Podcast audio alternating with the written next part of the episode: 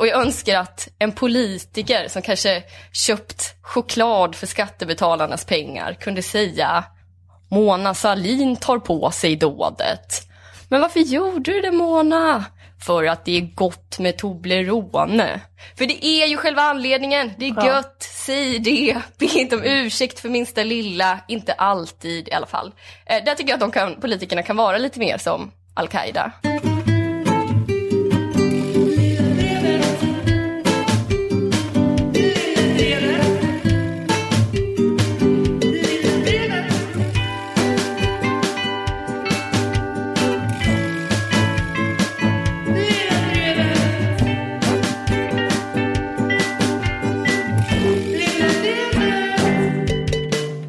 Hej, jag heter Ola Söderholm. Välkomna till den andra samlingspodden. Lilla Drevet fortsätter alltså att blicka bakåt.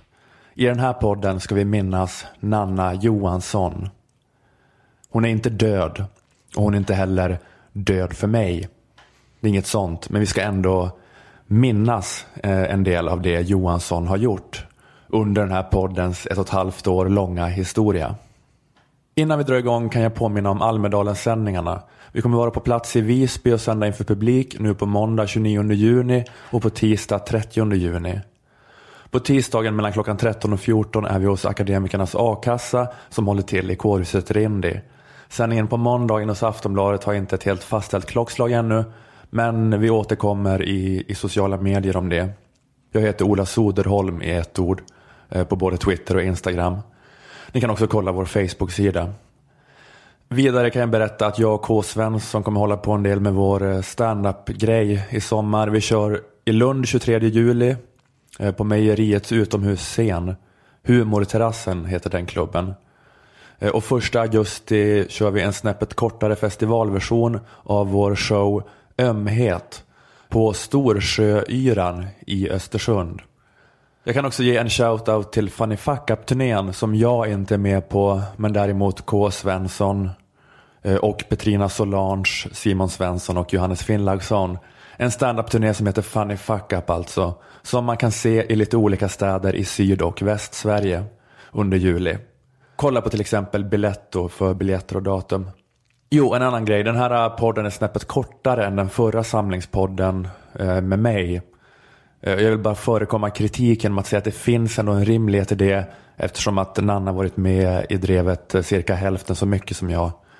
Dessutom tror jag att många lyssnare uppskattar att den här podden inte är så jävla orimligt lång som den förra. Herregud vad lång den var. Okej, då kör vi igång. Några gamla Nanna-favoriter i komprimerat monoljud.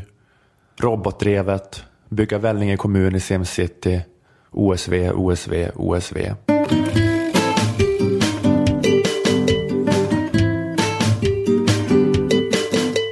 Nu tänkte jag bli eh, Lilla Drevets egen lilla surgubbe en stund. Åh, Mm.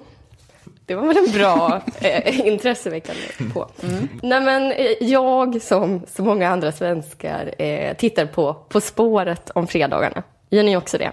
jag har gjort det en gång. Jag blev väldigt arg för att jag inte kunde någon gång vars vi skulle. Så att jag slutade Det är kolla. svårt nu. Mm. Jag har faktiskt sett alla avsnitt den här säsongen. Oj, då har du sett mer än mig. Men jag har sett nästan alla. Men På spåret, eh, för den som inte vet, men de flesta vet nog vad det är. Men i alla fall, jag kan säga På spåret är, är ett trevligt frågesportsprogram eh, fyllt av ordvitsar och käckhet. Förr i tiden så leddes det av Ingvar Oldsberg och Björn Hellberg. Men för några år sedan skedde en generationsväxling och nu är det radarparet Christian Lok och Fredrik Lindström som leder programmet. Eh, Och redan när de tog över så märkte man ju att tonen i programmet hade föryngrats eh, och blivit lite hippare. Jag knorrade lite om det i början, men sen Jag så släppte jag det. Du skickade många handskrivna brev till SVT. Eh, Men hörni, nu med den här nya säsongen som pågår för fullt så kan jag inte bara sitta tyst och se på längre. Åh nej, vad är det som har hänt? Jag tycker att På spåret, nya säsongen, gör sig skyldiga till ett vidrigt brott. Eh, brottet gubbplågeri. Eh, för som ni kanske märkt så har det skett en eh, generationsväxling även bland deltagarna. I den här säsongen så är det så extremt tydligt att det är de yngsta tävlanden som kan mest. Ja. Eh, till exempel Lina Thomsgård, Timbuktu och eh, vår kompis Jesper Rönndahl. Ja, precis. Jag, när, när det första programmet, eh, Lina och Jason var med, det var ju verkligen, det var ju bara liksom rosa frågor i TP. Det var Ja, det bara blir, pop. ja, ja. Här hela. Eh, alltså det blir verkligen en slakt eh, av alla andra. Eh, och det är det här jag reagerar på. Om Timbuk och Thomsgård hör till de vassaste På spåret så kanske man ska fundera på om inte formatet gått sönder lite. Inget ont om dem, men en kunskapstävling borde ju inte vara lättare ju närmare tonåren man befinner sig i livet. Det är, Eh, det, det- det är något fel när de så här, sopar mattan med professorn Ja, i teknisk ja. fysik för att de kan vara festival Eller utanför? Austin heter. Det rimliga borde ju vara att KG Hammar sopar banan med de andra. Han har ju fått så gammal katederundervisning och borde sitta på massa sådana kalenderbitarkunskaper eh, som att typ kunna rabbla Storbritanniens högsta berg i sömnen, sådana grejer. Men det är det som är grejen nu. Man har inget för att kunna rabbla bergskedjor eftersom 50% av frågorna handlar om typ bandet First Aid Kit. På spåret skulle kunna byta namn till På Nöjesguiden Fest. Vart är vi på väg? Till en Rebecca och Fiona-release. Vem där? Skrillex. Jag tänker att man borde varna alla äldre kändisar om att deras stolthet kommer bli rejält tilltufsad om de ställer upp i programmet. Eh, de borde få veta att alla kommer hånskratta åt dem om de inte kan namnge samtliga karaktärer i tv-serien Girls. Men sen så har jag också tänkt att det kanske är det som är hela poängen med Nya På spåret. Att man ska få se de här gamla kändisdinosaurierna plågas på bästa sändningstid. Att det är det som är underhållningen med På spåret nu för tiden. Att höra Thomas Nordgren eh, svara fel på någon sån rosa TP-fråga.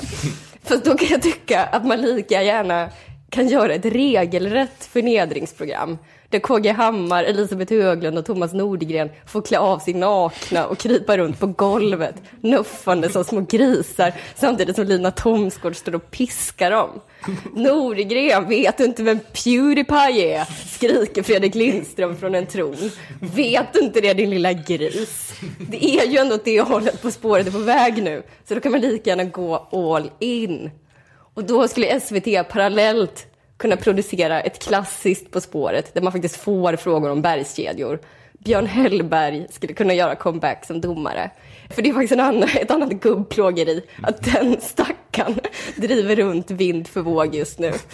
Han reser runt till olika mässor där han sitter helt ensam och försöker kränga böcker som ingen vill ha. Har ni sett Björn Hellberg på Bokmässan? Nej, men det, det känns som att det är något som dyker upp på Instagram då och då. Ja. Björn Hellberg är som ett signeringsbord. Det är så oerhört sorgligt. Det är så ont i hjärtat varje gång man går förbi hans lilla bord och inte köper någon av hans böcker. Vilket är varje gång man går förbi hans lilla bord. Ge farbrorn ett riktigt jobb. Så det här är alltså mitt förslag. Låt Lindström och Lok leda ett sadistiskt program som vars enda USP är att plåga äldre kändisar eh, och låt På spåret vara På spåret och inte någon sorts fritidsgård för före detta P3-människor. Eh, slut på min På spåret-rant. Mm. Jag förstår det vad Thomas Nordegren det här handlade om. Din, din, För att jag är lite kär i din, honom. ja, din älskade älskling. Alltså. Så att de får inte göra så mot Thomas. Rör inte Nordgren. Mm. Ja, men det var härligt att eh, se din, din heliga ilska. När du liksom tar upp sådär handsken för att någon har förnedrat Thomas. Daskar handsken i Lina Thomsgårds ansikte. Bara välj vapen. Nobody puts Thomas in the corner.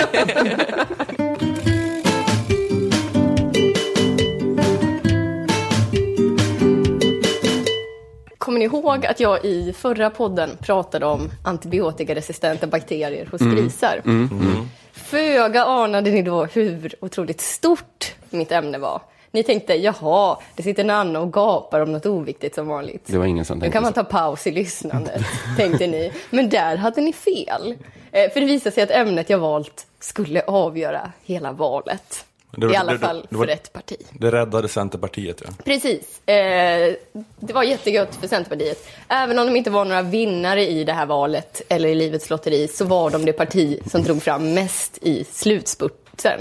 Heter det. Slutspurten.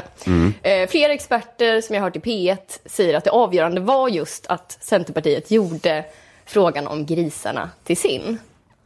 Att det dyker upp en stor nyhet om något så lantligt som grisar strax före valet är julafton för Centerpartiet på samma sätt som det vore julafton för KD om det dagen före valet hade dykt upp en nyhet som sa att Gud faktiskt finns. Gud finns, hatar homoäktenskap och älskar riktigt, riktigt gamla människor med gamla människors värderingar. Ja, det har varit en toppennyhet på det.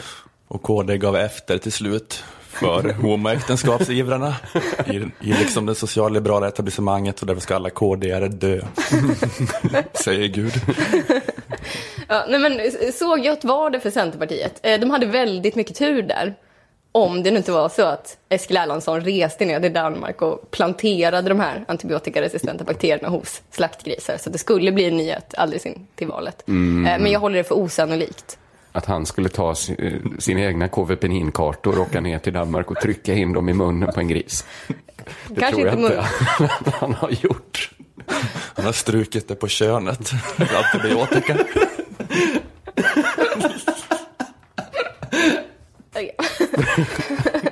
Men jag tycker att det fascinerande är att Centerpartiet lyckades profilera sig så jävla mycket i den här frågan, eh, som jag inte kommer kalla för grisfrågan.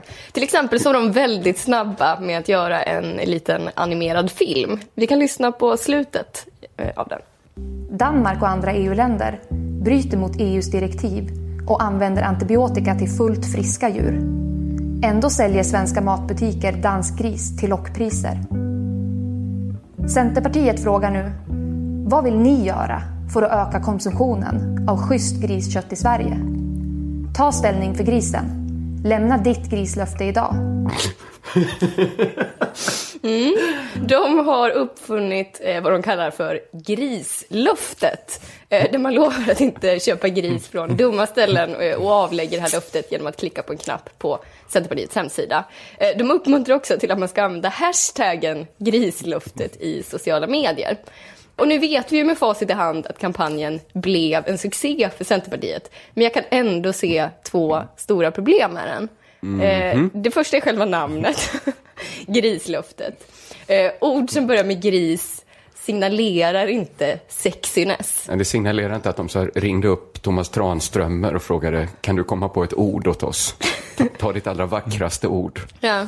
Ja, Det hamnar ju ibland liksom grisfest, grisnäsa. Ja, precis. Att det är en gris som, att det är ett grisigt löfte. Ja, Det blir ofta så om man hänger på ordet gris framför ett annat. Eh, så, så blir det inte så bra. Det, är som, eller, eller, eller det låter som en sån här översättningstitel på en amerikansk film 1980. Grislöftet med Chevy Chase och Bill Murray. Jag tänker så här, en hashtag ska ju vara något som man vill förknippa sig själv och kanske eh, sitt personliga varumärke med. Men här vet man ju på förhand att det inte kommer vara de allra ballaste kändisarna som kommer stoltsera med att de avlagt grislöftet. Rebecca och Fiona kommer inte använda hashtaggen grislöftet. Vi kommer inte se Robin ha en grislöftet-knapp på sin profilbild på Twitter. Nej, de har ju svårt med kändisar, kanske Centerpartiet. De hade ju Linda Bengtzing i någon valrörelse, men sen kom det fram att hon bara var skitmycket betald, så hon, jag röstar på Folkpartiet. Ja, det är jättelätt. Det är problemet. Nej, men jag testade på att- Anlita en fullständig idiot. Jag testade på att söka på grislöftet och det visade sig att inte ens Centerpartiets versioner av balla kändisar vill ha sitt namn för nära ordet grislöftet. Det närmsta man kommer är att eh, Fredrik Federley använt ordet gris. Riot, eh, som i och för sig bara är marginellt tuffare, men ändå. Så här ser jag faktiskt ett lysande tillfälle eh, för dig, Ola, att bli den ballaste personen i ett sammanhang. Jag och Kringlan äter ju inte gris, men du som gör det skulle nu kunna avlägga gris. Jag kan inte göra det Så blir du den kreddigaste kändisen som gör det. Nu inför våra lyssnare. ja, kan väl du ja, avlägga ett grislöfte? Eh, eh, Säg bara efter mig. Jag, Ola Söderholm, Göra det här. avlägger härmed grislöftet av egen fri vilja. Nuff. Nuff. Nej, det är inte så det går till. Det är bara att trycka på en knapp. Men eh, jag ville mest... Eh, Tänkte det skulle bli bra poddradio. Ja, ja, eh, det om det inte superbra namnet. Eh, för det andra jag tycker det är konstigt med Grislöftet-kampanjen, tycker jag är mycket, mycket konstigare. Det är att Centerpartiet vill att folket ska avlägga ett löfte till dem på deras hemsida eh, och inte tvärtom. För visst är det de som är politikerna och som sitter på lite mer makt än bara konsumentmakt? Alltså, de kunde avlägga Ja, grislöftet. ja. Borde det inte vara Annie Lööf som ställer sig i talarstolen och lovar att hon aldrig mer ska gynna handeln med grisar som far illa? Istället för att folket ska lova henne att inte köpa en produkt som det inte finns några politiska beslut emot. Mm. Ja, men det är verkligen att göra ingenting. Att säga konsumentmakt. Ja. Vi ska, det, det ska Det är ju att liksom, diskvalificera sig själv på något sätt. Ja, det är lite backa ut ur rummet. det ska finnas antibiotikagris som är billigare än den andra grisen. Sen ska ni välja rätten då. Ja, det är ju lite, lite svagt väl, av politiker. Ja. Jag har inget mer att säga om det här. Det bara var väldigt konstigt.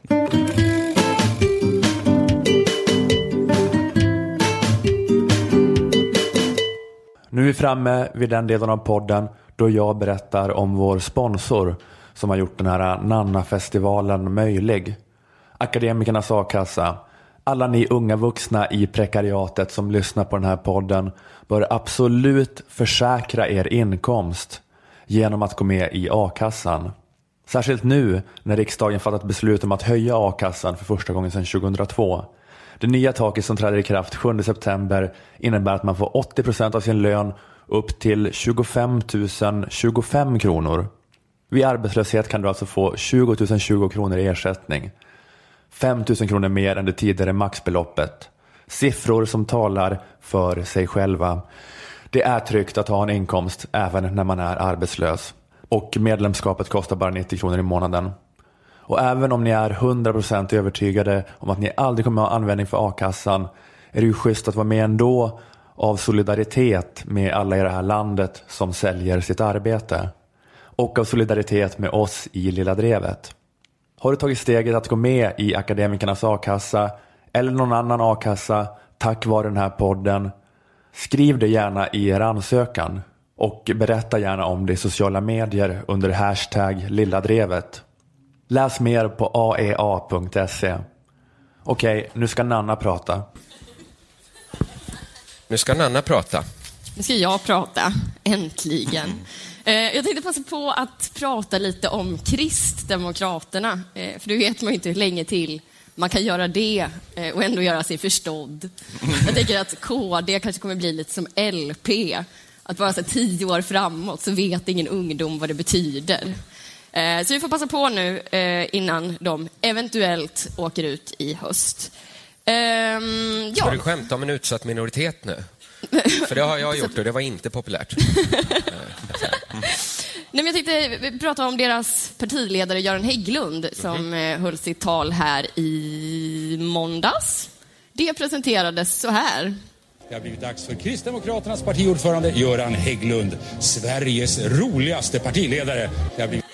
Sveriges roligaste partiledare.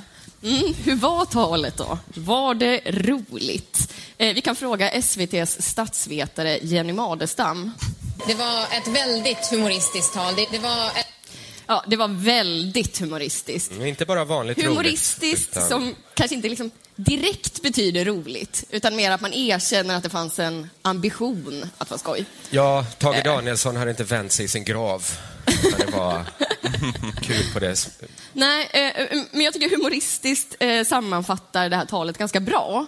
Eh, till exempel så bjöd Göran Hägglund på väldigt många ordvitsar eh, på kombinationen eh, vad heter det? De rödgröna och trädgårdsland. Vi kan lyssna på eh, ett exempel. Fridolin och Romson, ja de jobbar med beskärning. De tycker att Sverige har för många försvarsgrenar. De tar i så det skär i löjtnantshjärtan. Rosmarinen avskaffas. Här ska inte skjutas några som helst skott. Det är... Ja, eh, nej men jag, jag har inte tänkt recensera skämten i sig. Men det är ju Men- klart att det inte är roligt på riktigt. Sådär så att man skrattar med Göran. Ja, men det är väl, eh, ja, var inte så att Göran Hägglund var Sveriges roligaste politiker tills eh, folk sa det till honom? Jo, jag kommer dess- komma ja, till det det här. det Ja, poäng. Ja, precis. Det är kanske som en sån här katt på YouTube, att det är roligt när han gör något och inte tänker på det. Men sen är det svårt liksom att upprepa Just det. det. Så här, man kan inte få honom att hoppa ner i en låda. Ja, men det är liksom, ja, men, ja, men, han är väl rolig om etiketten är politiker, men när etiketten är komiker, ja. Okej, Det, förekommer. det, det, nej, men det krävs ju inte så mycket för att vara en rolig politiker eh, och jag tror att Göran ligger på en väldigt bra nivå där. Eh, en politiker ska kanske inte vara rolig på riktigt, eh, precis som en gynekolog inte ska vara för rolig. Eh, det är ändå en person som man ska kunna lita på. Men jag Eh, han känner den här pressen nu också, att eh, han har fått själv, att just det är den här självmedvetenheten om att han Ja. är rolig som har förstört allting tror jag. Att, Ja, precis. Eh, för det, det, det jag noterade under det här talet var hur otroligt glädjelös leveransen av de här skämten var. Eh, det var som att det fanns liksom inte en enda glimt i ögonen. Det var som att skämtandet var ett tvångsbeteende som man bara ville så här dra igenom. På. För, för att inte recensera hans humor så tycker jag toucha någonting. I Sjöstedts land får ingen ha rot. Det är ett norotsland. Ja. Eh, Norotsland har alltså tagit engelskans no och Betyder uttalade inget. no eh, för att få till den här ordvitsen. Eh, ja, eh, det, men fan så många blommor finns det väl inte? Nej, Och, Nej eh, så att, eh, men jag tror att, att Göran Hägglund kanske inte var supersugen på att stå och dra trädgårdsskämt, men att han nu har de förväntningarna på sig, precis som du var inne på. Eh, alla säger så, åh, han är ju sån, regeringens lilla roliga. Eh, det har han ju fått höra alltid, åh, Göran är så rolig. Han visste att en massa tanter och farbröder skulle gå och köpa sånt naturgodis att ta med sig till parken för att riktigt kunna sitta och mysa under det här talet. Och nu kommer Göran att leverera årets skämt, eh, sa de. Men jag tänker så här, även positiva förväntningar kan ju få en att låsa sig som människa. Mm. Sån här är jag, eh, tänker man, fast man kanske inte alls ser det längre. Nej, nej. Eh, och jag tänker så här, Hägglund har kanske kommit på att han har en väldigt djup sida som man önskar att folk kunde se. Eh, natten innan det här talet kanske han vaknade så helt kallsvettig med bultande hjärta och låg och tänkte på sin egen dödlighet eller hur stort universum är eller Ja, vad händer när mamma och pappa dör? Då Ja. har jag inga rötter, då blir jag en norot, kanske han tänkte. Och då... Så kanske han tänkte. Eh, vad blir jag för ett fritt svävande stoftkorn i universum då? Precis. Eh, det kan ju börja så. Eh, Men sen, så fort det går upp så kommer ju såklart någon tjomme från partiet och berättar att hon redan har börjat värma upp skrattmusklerna. Och då måste han gå upp och dra ett trädgårdsskämt om att Gudrun Schyman bränner pengar. Schyman vill förstås också vara med. Hon tar genast ett feministiskt initiativ och bränner alla klöver. Det skrattet också. Det ska- Det, ja, det går verkligen hem. Eh, Men efter hans tal så är ju också det här det enda folk fokuserar på, att han har dragit skämt. Fast han också la en jättestor del av talet på att prata om väldigt deppiga saker. Superdeppiga saker, eh, till exempel en tant eh, som har cancer. Eftersom hon inte får cellgifterna i tid så hinner cancern sprida sig. Marianne dör. Eftersom hon... Ja, Det kom ingen ordvits där. nej, Nej. nej. Eh, men det är ingen som Så, kommenterar som man sår får man skörda. Skulle inte rökat så mycket, Marianne? Eller det kom ingen sån uh, trädgårdsvits där? Nej. nej. Som man sår får man skörda. Jag försöker bryta ner den här. Ja, men det är ingen som kommenterar det här. Det är ingen som kallar Göran för Depp-Göran. Sveriges eh, mest party-pooping partiledare. Nej, man minns ju det glada. Man minns det glada. Eh, men det är lite så, han får bara ha ett personlighetsdrag, fast det kanske är lite mer som de eh, grekiska teatermaskerna. En är jätteglad och en är jätteledsen. Så kanske Göran är mer. Man får vara ledsen när han kommer hem till sin familj. Man var glad i det offentliga, lite som, som alla andra får ha det. Fan ta tag i sin fru och så skaka henne och skrika jag kan inte höra skratten längre. Jag hör inte skratten längre. Jag är ett hål, jag är bara ett hål. Jag känner hur jag bara faller. Jag bara faller genom universum. Stoppa ett frö i det hålet så växer något glatt upp. Det ska väl inte vara så komplicerat. Men jag är full av skit. Gödsla med den! Så ska det spira en buske. Du borde jobba som hans skämtskrivare. Ja, Du det Cleveland jobbet, fakturerar så en halv dag för Göran Hägglunds tal. Ja, men jag tror att enda sättet att få att liksom eh, befria honom från den här låsningen, det är att man inte pratar om honom som rolig längre. Då kanske han skulle bli rolig. Det man få börja prata om honom på något annat sätt. Att man förväntar sig att han ska prata om cancer och så blir det roligt. Precis. Ja, jo, det är mycket så med förväntningar. Ju. Mm. Ehm, så, så det kanske är det vi, media, borde göra. Kalla honom tråkig lite oftare. Kalla honom emo-Göran. så har han någonting att eh, Ja. studsa mot. Emo-Göran som står och kladdar läppstift runt munnen framför spegeln. Och så. Klipper sin lugg själv med en nagelsax. Han skulle Ja. faktiskt passa i det. Nej, det skulle han inte.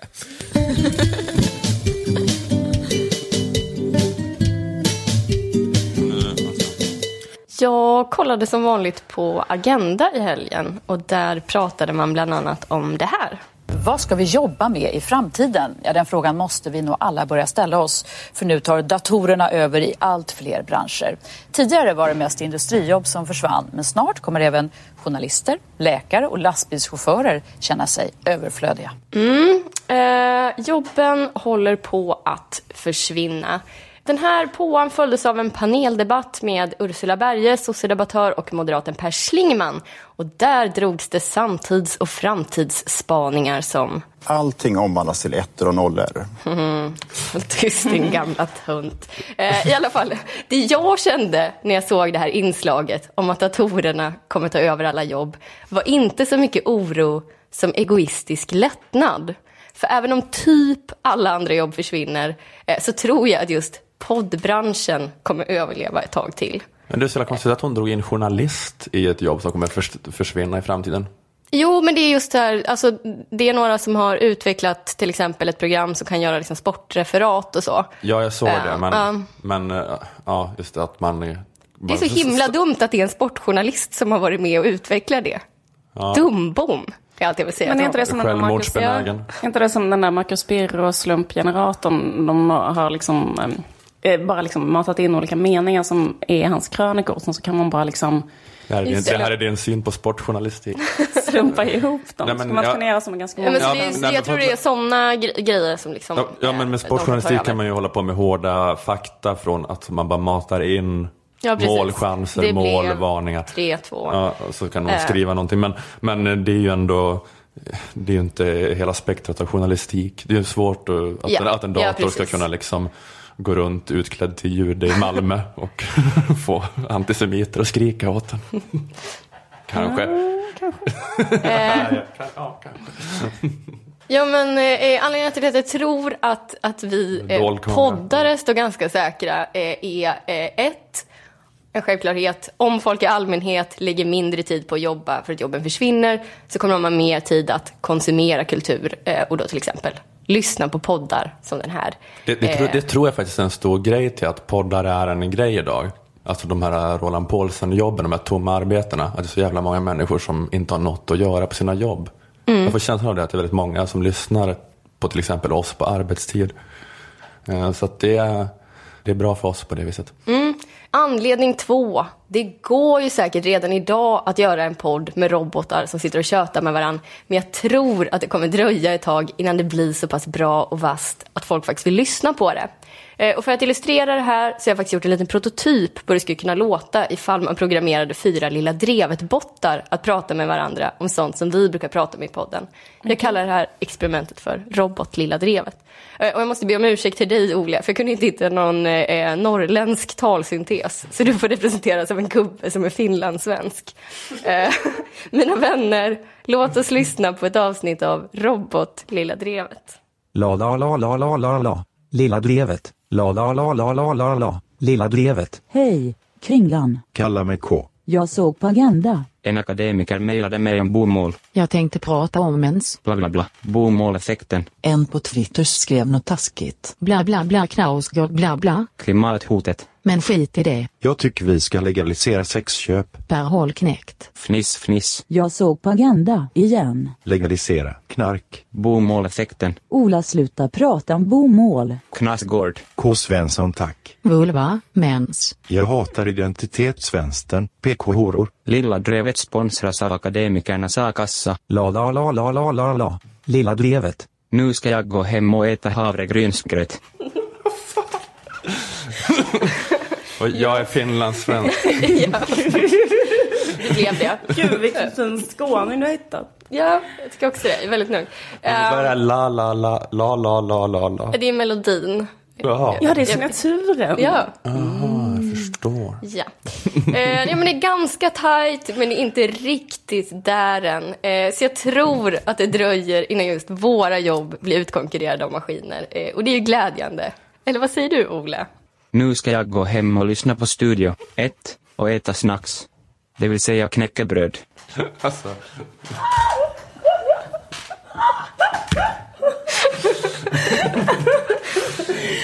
Jätteroligt. Åh gud. Jag ska... Mm. Mm. Ha- Har vi några datum vi kan plugga där, vi kan se den, då man kan se den finlandssvenska boten köra stand-up?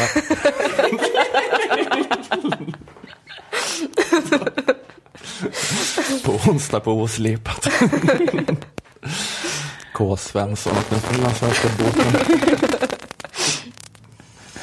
Kalla mig K. Legalisera.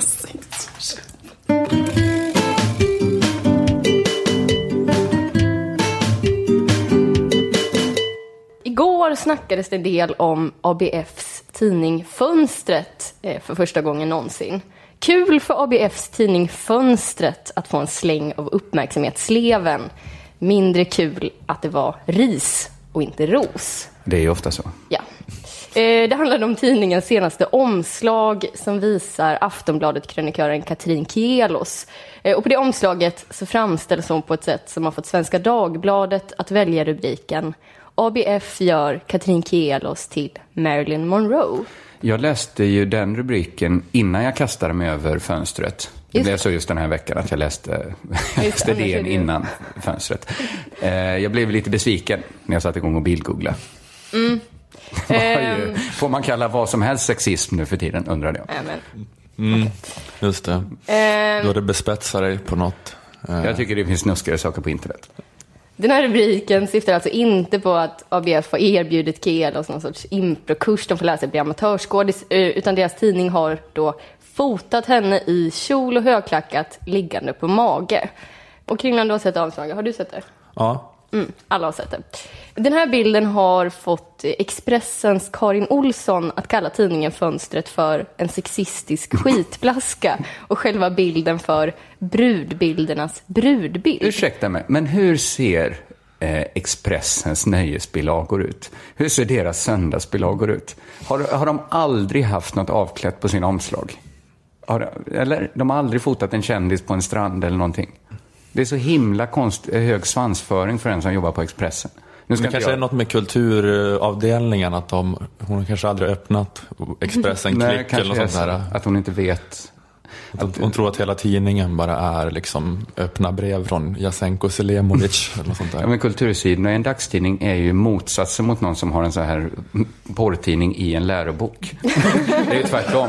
Någon som har en porrtidning och har gömt så här Friedrich Nietzsche i den. Och inte vill bli kallad pluggis. I alla fall, flera på Twitter har blivit jätteupprörda eh, över att man framställt Kelos eh, på det här sättet. Eh, jag vet inte hur det gick till när man tog den här bilden. Eh, kanske pressade som svinhårt av en supersexistisk fotograf eh, Mm. att ställa upp på det här. Eller så tyckte hon att det var kul med något som inte den gamla vanliga armarna i kors och ena axeln mot kameran byline-bilden. Blyertspenna Eh, instucken i hårknuten. Ja, precis. Eh, Det kanske är härligt för en journalist att inte behöva se ut som en nyskrubbad plugghäst på alla foton. Eh, Jag vet inte hur det gick till när den här bilden togs, eh, hur man tänkte och det är inte det jag tänker haka upp mig på. Och det var liksom någon så här äh, äcklig medelålders italienare som tryckte den full med kokain och lovade att han skulle göra det till skärda och sådär. Satt på alla elementen så det var varmt i studion. Han, började, han tog själv av sig skjortan. Kom till Milano. I'm gonna make you a star. Ja. det vet man inte. Var det liksom, blev hon utsatt för någon sån där liksom halv trafficking nästan?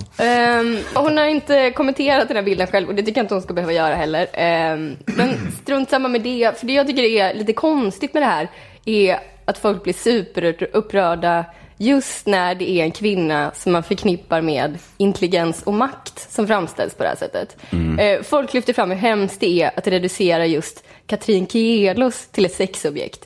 Katrin Kielos som är så smart. Har ni sett fel eller? ropar de i kör. Det här är ju en kompetent yrkeskvinna och inget runkobjekt som vissa andra kvinnor. Vissa kvinnor kan man kanske ta en sån äggande bild på, men fan inte en kvinna med högskolepoäng. eh, men det borde kanske vara så att, jag vet inte, ju smartare en kvinna är, desto mer kan man kanske anta att hon är medveten om hur hon framställs. Eh, kanske till och med har valt det själv. Eh, ju mer pondus hon har, desto mer kan man kanske anta att hon skulle sagt ifrån om något utanför hennes comfort zone. Mm. Eh, och det är klart att det här kan ha varit utanför hennes comfort zone. Förtryck kan ju påverka alla kvinnor mer eller mindre. Eh, men förstår ni vart jag vill komma här? Det finns Ja. någon slags hora madonna-aspekt i hur upprörda folk blir över ett sånt här tidningsomslag. Eh, Ja. Det är liksom ingen som lipar om Paradise Hotel-saga ligger på mage på bilder. För hon förknippas redan med att vara kuvad. Men kom fan inte och försök göra någon som använder ordet diskurs till en Marilyn Monroe-figur. Bara Som- rubriken ABF gör Katrin Kielos till Marilyn Monroe. Det är bara en omskrivning Men- för ABF gör en Madonna Är det till inte en helt sin... Dels att referensen är så jävla daterad, Marilyn Monroe. Men är det också, Marilyn Monroe var liksom också... Visst, hon såg jättebra ut, men hon anses ju också vara en av de stora skådespelerskorna från 1900-talet. Det är lite Ja. att så här, devalvera Men om man Marilyn tycker Monroe. att det är fel att, ja men precis, om man tycker att det är fel att göra någon till Marilyn Monroe, då borde man ju tycka att det är fel att göra Marilyn Monroe till Marilyn Monroe Ja. också. Ja, Eh, ja. Men sen också, också just apropå göra till, alltså Katrin Kelos har ju oftast typ kjol och högklackat och har den frisyren och det smink, eller hon gillar ju att ha den stilen lite grann. Eh, Så, och någon gång så kanske man, man kan ju tänka mage. sig att, ja. ja precis, det där ligga på mage som de har lagt till. Ja, då. men de kan ju säkert rota fram tusen bilder där typ Charlotte Pirelli ligger på mage i högklackat. Eh, De bilderna kanske till och med mer flagrant sexistiska än omslaget på Kelos. Men det blir liksom inga rubriker om det, utan Pirelli är en person som man redan förknippar eh, med Just underordning. Nu kommer kraven. När får vi se Oisin Cantwell på samma sätt? Men det har ju redan varit eh, sådana Har han redan såna gjort? poäng. Nej, men... Nej, de har eh, redan kommit. Ja. Ja. Men det är, inte, det, det är liksom inte Fredrik det jag Virtanen vill, har det eh, ropats efter. Det är många som försöker byta ut grupp mot grupp, som vi var inne på tidigare.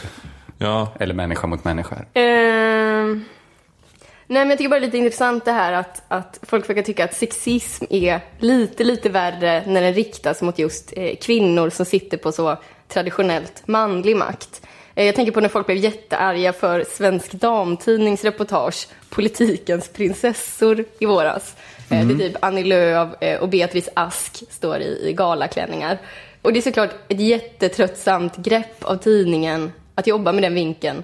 Men den vinkeln jobbar de ju med, med alla kvinnor i den Mm, tidningen. det. Men det är liksom bara när det riktas mot maktkvinnor som det blir liv i luckan. Trots att jag kan känna, är det någon som har möjlighet att sätta sig upp mot en sån här framställning så är det kanske en kvinna med faktisk regeringsmakt. Annie Lööf skulle typ kunna skicka sina Säpo-vakter att spöa Svensk Damtidnings VD om hon fick feeling för det. Det. Eh, Men en vanlig kvinna har ju inte det utrymmet. Förstår ni vad jag far efter? Förstår vad du far efter.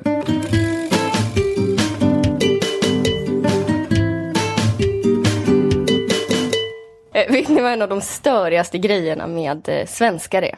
Att de alltid tar fikapaus. Hela tiden. Fik, är det fikapaus igen? Nej, ska jag säga vad en av de störigaste grejerna med svenskar är? Det är att varje gång det är oroligheter någonstans i världen så är svenskars första reaktion hur kommer det här att drabba oss? Det spelar ingen roll om tusentals människor har blivit massakrerade. Svenskar lyssnar inte förrän de hör ordet Sverige. Då blir det ljud i skällan. Eh, därför är det inte så konstigt att nu när det är svinoroligt i Krimområdet så undrar svenskarna men hur blir det med Gotland? Tänk om ryssen tar vårt Gotland? Det är lite som om någon berättar att den har långt framskriden aids och ens första reaktion är att börja oroa sig för att man kanske någon gång i framtiden kan drabbas av migrän. Det tycker jag är störigt med svenskar. Ja, det Du stör. satte inte så högt värde på Gotland. Eller på migrän. Men jag tyckte det var intressant det där att det var allas helt självklara reaktion. Typ alla försvarspolitiker i Sverige och alla försvarsexperter. Att eh, när det här börjar bli oroligt här på Krimområdet. Då är, alla, då är det helt så här, ja det vi måste göra nu är att bestycka Gotland. Vi måste sätta jättemycket trupper på Gotland. Ja, de jag- jag flyttade om- jag visste- stridsflygplan dit nu. Ja, precis. Men jag visste inte om att det var en sån allmän sanning som alla visste. Ja, självklart, när det börjar bli oroligt, då, liksom, då, då är det Gotland. Ja, Men de har liksom eh. målat upp Gotland som paradiset på jorden när det kommer till militärbas. Det kan ju finnas en överskattning i det. Det är den mest strategiska platsen i världen. Ja, Ja, precis. Eh, källa vissa så är eh, Gotland sjukt militärt attraktivt. Eh, en strategiskt belägen liten pärla i Östersjön. En liten pralin som bara väntar på att en stormakt ska sätta tänderna i den. Så tänker till exempel Jan Björklund. Han är en av dem som nu har eh, använt Krimkrisen eh, som ett argument för att man då borde börja strössla miljarder, miljarder eh, på att rusta upp eh, det svenska försvaret för att då kunna skydda Gotland mot, ja ryssen är väl det som är Mm. jag tycker att det här låter lite överdrivet. Jag tror att om Ryssland nu skulle vilja ha Gotland, då tar de Gotland. Jag tror att enda anledningen till att Sverige fortfarande har Gotland är att Ryssland inte vill ha Gotland. Eller i alla fall inte så mycket att de orkar tjafsa. Eh, fast jag är ju bara en novis på det här området. Mm. Så det är fullt möjligt att jag har fel. Jag har haft fel förr. ja, du kan ju väldigt lite om militära frågor. Förutom att eh, jag läst väldigt mycket eh, fantasy. Så jag kan ganska mycket om så, sådana slag. Alltså när, när väldigt kortväxta, skäggiga slåss. Sådana slag. Ja, Ja, precis. Mm. Eh, Hur man besegrar en drake. Ja, det har jag läst ganska mycket om. Men oavsett vad eh, så tror jag inte att det är lönt att så, bränna miljarder på att rusta upp försvaret. Eh, för det skulle ju bara dra ut på själva övertagandet som ändå skulle vara oundvikligt. Eh, då tycker jag att man lika gärna kan göra något som är gratis, det vill säga utnyttja de unika resurser som redan finns på Gotland och använda dem som försvar. Jag har skrivit ner fem do-it-yourself-idéer. Om Ryssland invaderar så skulle gotlänningarna kunna 1. Kasta varpa på ryssen. Varpan är hård, eh, det är väldigt ont att bli träffad. Antar jag. varpad en sten? Det är som, man kastar en liten sån stenskiva. Det är Ser inte jättefarligt ut. supersofistikerat spel. Nej, Det är men inte schack liksom. Det är väl någon slags medeltidsdiskus. det, är- ja, det är lite boll tror jag. Fast Aha. med eh, som en stenfrisbee. Det ska man kunna använda som vapen. Eh, två, använda de arméer som redan finns på Gotland under sommartid. Eh, och då menar jag naturligtvis under medeltidsveckan. Då skulle man kunna hålla så ett medeltida slag mot Ryssland. Där olika nördar äntligen får använda sina historiskt korrekta ringbrynjor och svärd. Det det, det som hade varit korrekta svaret liksom, på de här ökade spänningarna och upptrappningarna. Att Ryssland går in i Krim, Sverige förlänger medeltidsveckan till en månad. Ryssland skickar drönare, Sverige skickar en IT-miljonär som är bra på att spela spetälsk. Så får vi se hur det går. Det är det som kallas kapprustning. Han har målat så här blåsor med hallonsylt, springer mot ryssarna. Till slut blir det undantagstillstånd, konstant medeltidsvecka i Visby. Det är bättre, nej, här kommer så här snack om nyheter, skämt. Bättre de kommer ta det under Stockholmsveckan så vill de inte ha Gotland. Mm. Bara en massa stockholmare va? Ja, just det. Eh, Ronny Eriksson hade rivit salongerna 1997. Förslag nummer tre. De kan tråka ut ryssen med hjälp av en svensk näringslivföreläsning under Almedalsveckan. Eller bjuda ryssen på skitäckliga merchkarameller från typ junilistans tält. Eh, fyra. Lägga gift i saffranspannkakan. Saffranspannkaka som är så oemotståndligt. Fem. Babben Larsson. Jag har inte skriva mer på den. Men ni förstår principen. Varför göra det dyrt när det kan vara gratis om det ändå kommer gå åt helvete? Vilken liten domedagsprofet du är. Jag tänkte på en grej med eh, att då prinsessan Leonor föds och utses till hertiginna av Gotland. Ja, vilken nyhetsvecka för Gotland ja. Verkligen. Men är det någon liksom förbannelse över den här prinsessan? Att hon föds och direkt så är Gotland hotat. Vi tar det säkra för det osäkra och slår ihjäl henne med en hammare tycker jag. Att det ska bli bra skörd.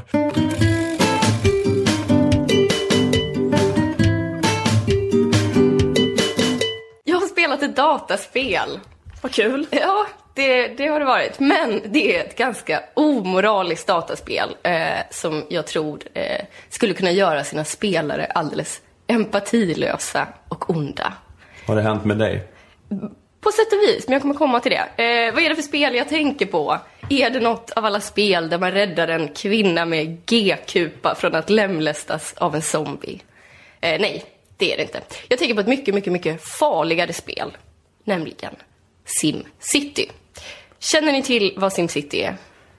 Nej. Nej, eller du har förklarat lite för mig vad det är. Men är det att man bygger städer? Man bygger städer, precis. Eh, man är borgmästare åt en liten stad, eh, drar vägar, bygger skolor, eh, gör zoner för industri och andra grejer. Det låter Man får- supertråkigt. Det är jätteroligt. Man får leva ut sin fantasi om att vara kommunalråd i en Ja, precis. storstad. Ja, men det är som det är i Seinfeld så skojar ju liksom de om att George har det som sin dröm att bli stadsplanerare. Att det är liksom som ett skämt. Men det är också folks Det, riktiga det dröm då att vara stadsplanerare. vi finns som tycker att det är roligare typ att, att bygga en avloppsanläggning än att eh, så svinga ett svärd från en drakrygg.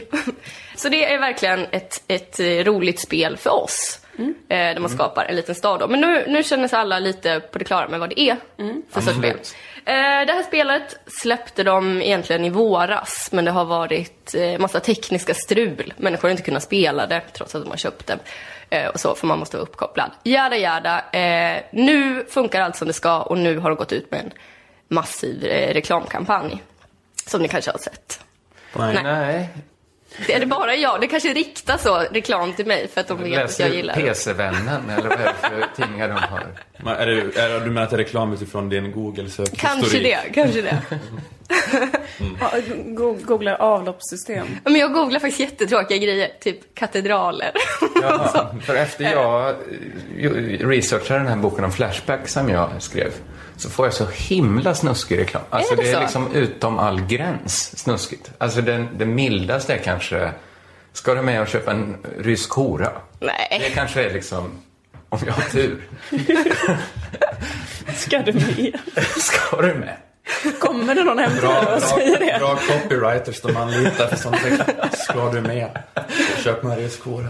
Det är bra, det är bra copytext. Ja. Fortsätt, förlåt. Ja, ja eh, det här spelet tycker jag då är väldigt, väldigt, väldigt roligt. Eh, men jag är också då väldigt, väldigt orolig för att det är eh, så himla ideologiskt. Man skulle kunna säga att det är en nyliberal våt dröm, eh, SimCity. Det är väldigt, väldigt inriktat på arbete, konsumtion och mycket låga skatter. Fast där, där har ju du chansen när du får bygga din drömstad Ja. att bygga en, en Precis. kommunistisk utopi eller vad det och gillar. den chansen försökte jag faktiskt ta nu. Eh, för jag kände lite så Stora här, porträtt på dig själv. Personkult. Som, eh, som svensk spelare så känner man sig lite så främmande för skattenivåer som ligger på runt 9 procent. Eh, vi vet ju bevisligen att många svenska kommuner klarar en lite saftigare skatt än 9 procent. Så jag tänkte att jag skulle testa hur, eh, hur höger SimCity är eh, genom att då spela det med svensk skattepolitik för att se vad som skulle hända.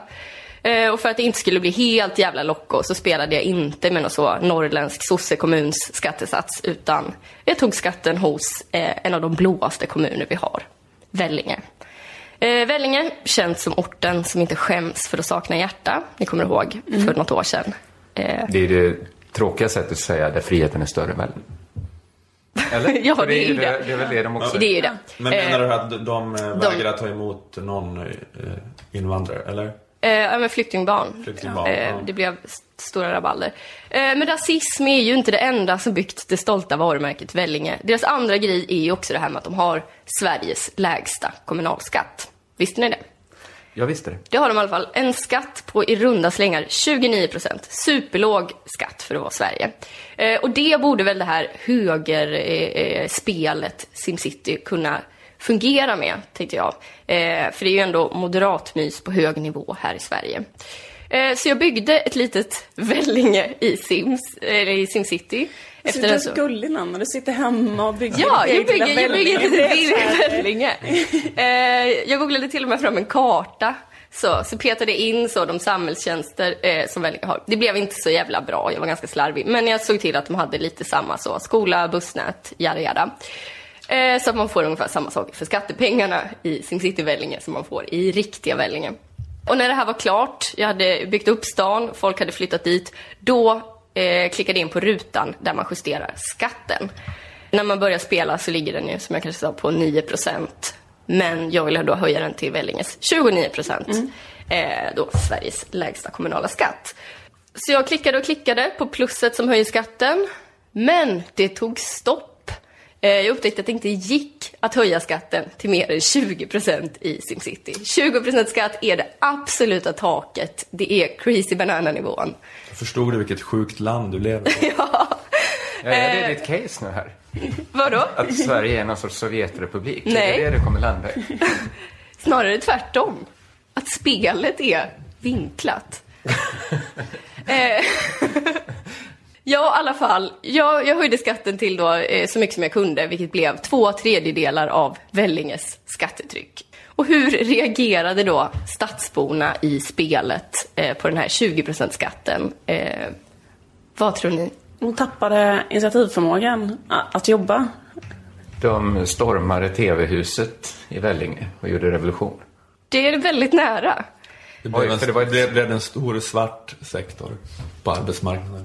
Det, det första som hände var att det ploppade upp ett litet meddelande från en av mina statsanställda eh, som sa, eh, och jag citerar, skatterna är för nesligt höga. Så jag började kolla runt i min stad för att, för att kolla vad, lite, vad de andra tyckte. Eh, jag klickade på ett medelklasshus och där stod det, eh, det som gör oss lyckliga. Shoppingen här är verkligen bra. De älskar att shoppa. Det som gör oss olyckliga. Skatten är hög. Och sen som jag hade det fönstret öppet så ändrades det till för höga skatter, vi sticker. Eh, och sen så blev det då en stor demonstration utanför Vellinges rådhus. Bostadshusen övergavs och rasade ihop och blev så stora svarta fläckar på kartan. Och när jag klickade på ett av de här övergivna husen så stod det att orsaken då var hög skatt. Eh, och sen såg jag att det dök upp så här dödskallar ovanför husen som symboliserar då att det har varit ett dödsfall. Eh, så mina invånare dog av för hög skatt. De skattades ihjäl i fucking socialist-Vellinge. Eh, och då så flydde de för livet eh, från den här kommunalskatten på 20 procent. Och så här höll det faktiskt på. Ja, men det enda som är orimligt här är väl att siffrorna är lite fel.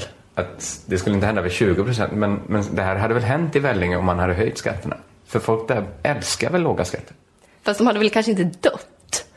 Och nu har de ju lagt skatterna väldigt lågt i spelet. Men hur, hur, hur dör de? Är det bara en sån psykosomatisk reaktion? Att man bara f- får dåndimpen och dör? Jag vet inte De riktigt. svälter ihjäl för deras lön räcker inte till mat. Ja, kanske det. Ja, med det kanske. Om man betalar? Nej, det är klart, de svälter ihjäl. Men kunde inte du ge dem då socialbidrag? Nu när du drog in så oerhört mycket skattepengar. Finns ingen sån funktion. Okej. Eh, ja, men i alla fall. Eh, så här höll det på. Är det plastskatt? Dog. Nej, man kan faktiskt justera. Men eh, då är det också så i spelet att det optimala då är att ha liksom en, en eh, omvänd progressiv skatt. Alltså lägre för de rika och eh, högre för de fattiga. Det är det, liksom det optimala i spelet. Jo. eh, men i alla fall, stan blev någon slags eh, spökstad. Jag hade jättelite Millions of people have lost weight with personalized plans from Noom, like Evan, who can't stand salads and still lost 50 pounds. Salads, generally, for most people, are the easy button, right? For me, that wasn't an option. I never really was a salad guy. That's just not who I am. But Noom worked for me. Get your personalized plan today at Noom.com. Real Noom user compensated to provide their story. In four weeks, the typical Noom user can expect to lose one to two pounds per week. Individual results may vary. Invånare kvar. Eh, så tänkte jag att nu eh, är jag trött på det här. Så jag skickade in en jätteödla som bara fick trampa runt där och, och, och krossa allt. Men Var den, här, var den här jätteödlan åtta ensamkommande flyktingbarn som fick trampa runt Nej. på deras golfbanor? Skita på greenen. Men nu ska jag säga en sak kring det. Det intressanta var att till och med då, när den här ödlan gick och tuggade i sig i gymnasieskolan, till och med då var invånarnas högsta oro. Skatterna tar koll på oss. Eh, Så det är en liten fingervisning om hur skattefientligt eh, spelet SimCity är. Och då kan man ju invända att det bara är ett spel. Men jag tycker att det är lite för farliga lärdomar man får med sig av det här spelet. Till exempel då att eh, skatt dödar, eh, även med ganska låga Men, nivåer. men jätteödlan kanske ändå på något vis signalerar att man ska tolka det som realism. Alltså, då, kan man, då kan man ta procentsatserna på skatten med en nypa salt också. Ja, men det intressanta är att jag märker till och med på mitt eget spelande. Jag försöker ändå, har ändå försökt spela det här eh, ur någon slags vänster, med någon slags vänsterstrategi. Eh, men till och med jag märker under spelets gång att jag får något så Ayn Randskt i blicken när jag sitter och spelar. Och sitter och ler varje gång så ett fattigt kvarter lämnar plats åt ett gated community. Eh, det, det är faktiskt ganska eh, eh, obehagligt, eh, det här. Man värnar väldigt mycket om sina höginkomsttagare. Och om mina vackra höginkomsttagare. Har ni tillräckligt med butiker att shoppa i? Mår ni bra? Och så vidare. Eh, och då undrar jag om en människa som är eh, ganska vänster, som jag, blir så här Eller är påverkad du av verkligen spelet. det? Inte när jag spelar. Du skulle väl kunna fråga det? Jag kan, men det är väl ett, antingen frågar du är det fel på spelet? Eller så får du, måste Fast du väl om fråga? du måste spela det på det här sättet för att inte staden ska ruineras. Man måste inte spela det. Nej, det måste man inte. Men det är ju många som gör det. Absolut. Även om ni inte spelade så är det många miljoner världen över som spelar det här Men har, men spelet du just nu. fått, har du fått en bättre förståelse för ekonomi nu då? Att du förstår vikten av tillväxt för att få hjulen att snurra? Nej. Att värna om dina Men varför- höginkomsttagare? Ja, för du skulle. Vi byggde ingen så här serietecknarhögskola då. Det, det, så, sådana funktioner finns inte. Nej. Men du känner inte att du har lärt dig något sånt utav det? Jag känner inte att jag har lärt mig någonting annat än eh, att det här spelet är farligt. Jag är rädd för att folk ska spela det här spelet på valdagen. och gå till valurnorna och leta efter ett parti som står till höger om Moderaterna. det, är, eh, det är risker jag ser med det här spelet. Eh, jag tycker att det är farligt. Jag får säga bara tack för den här varningen.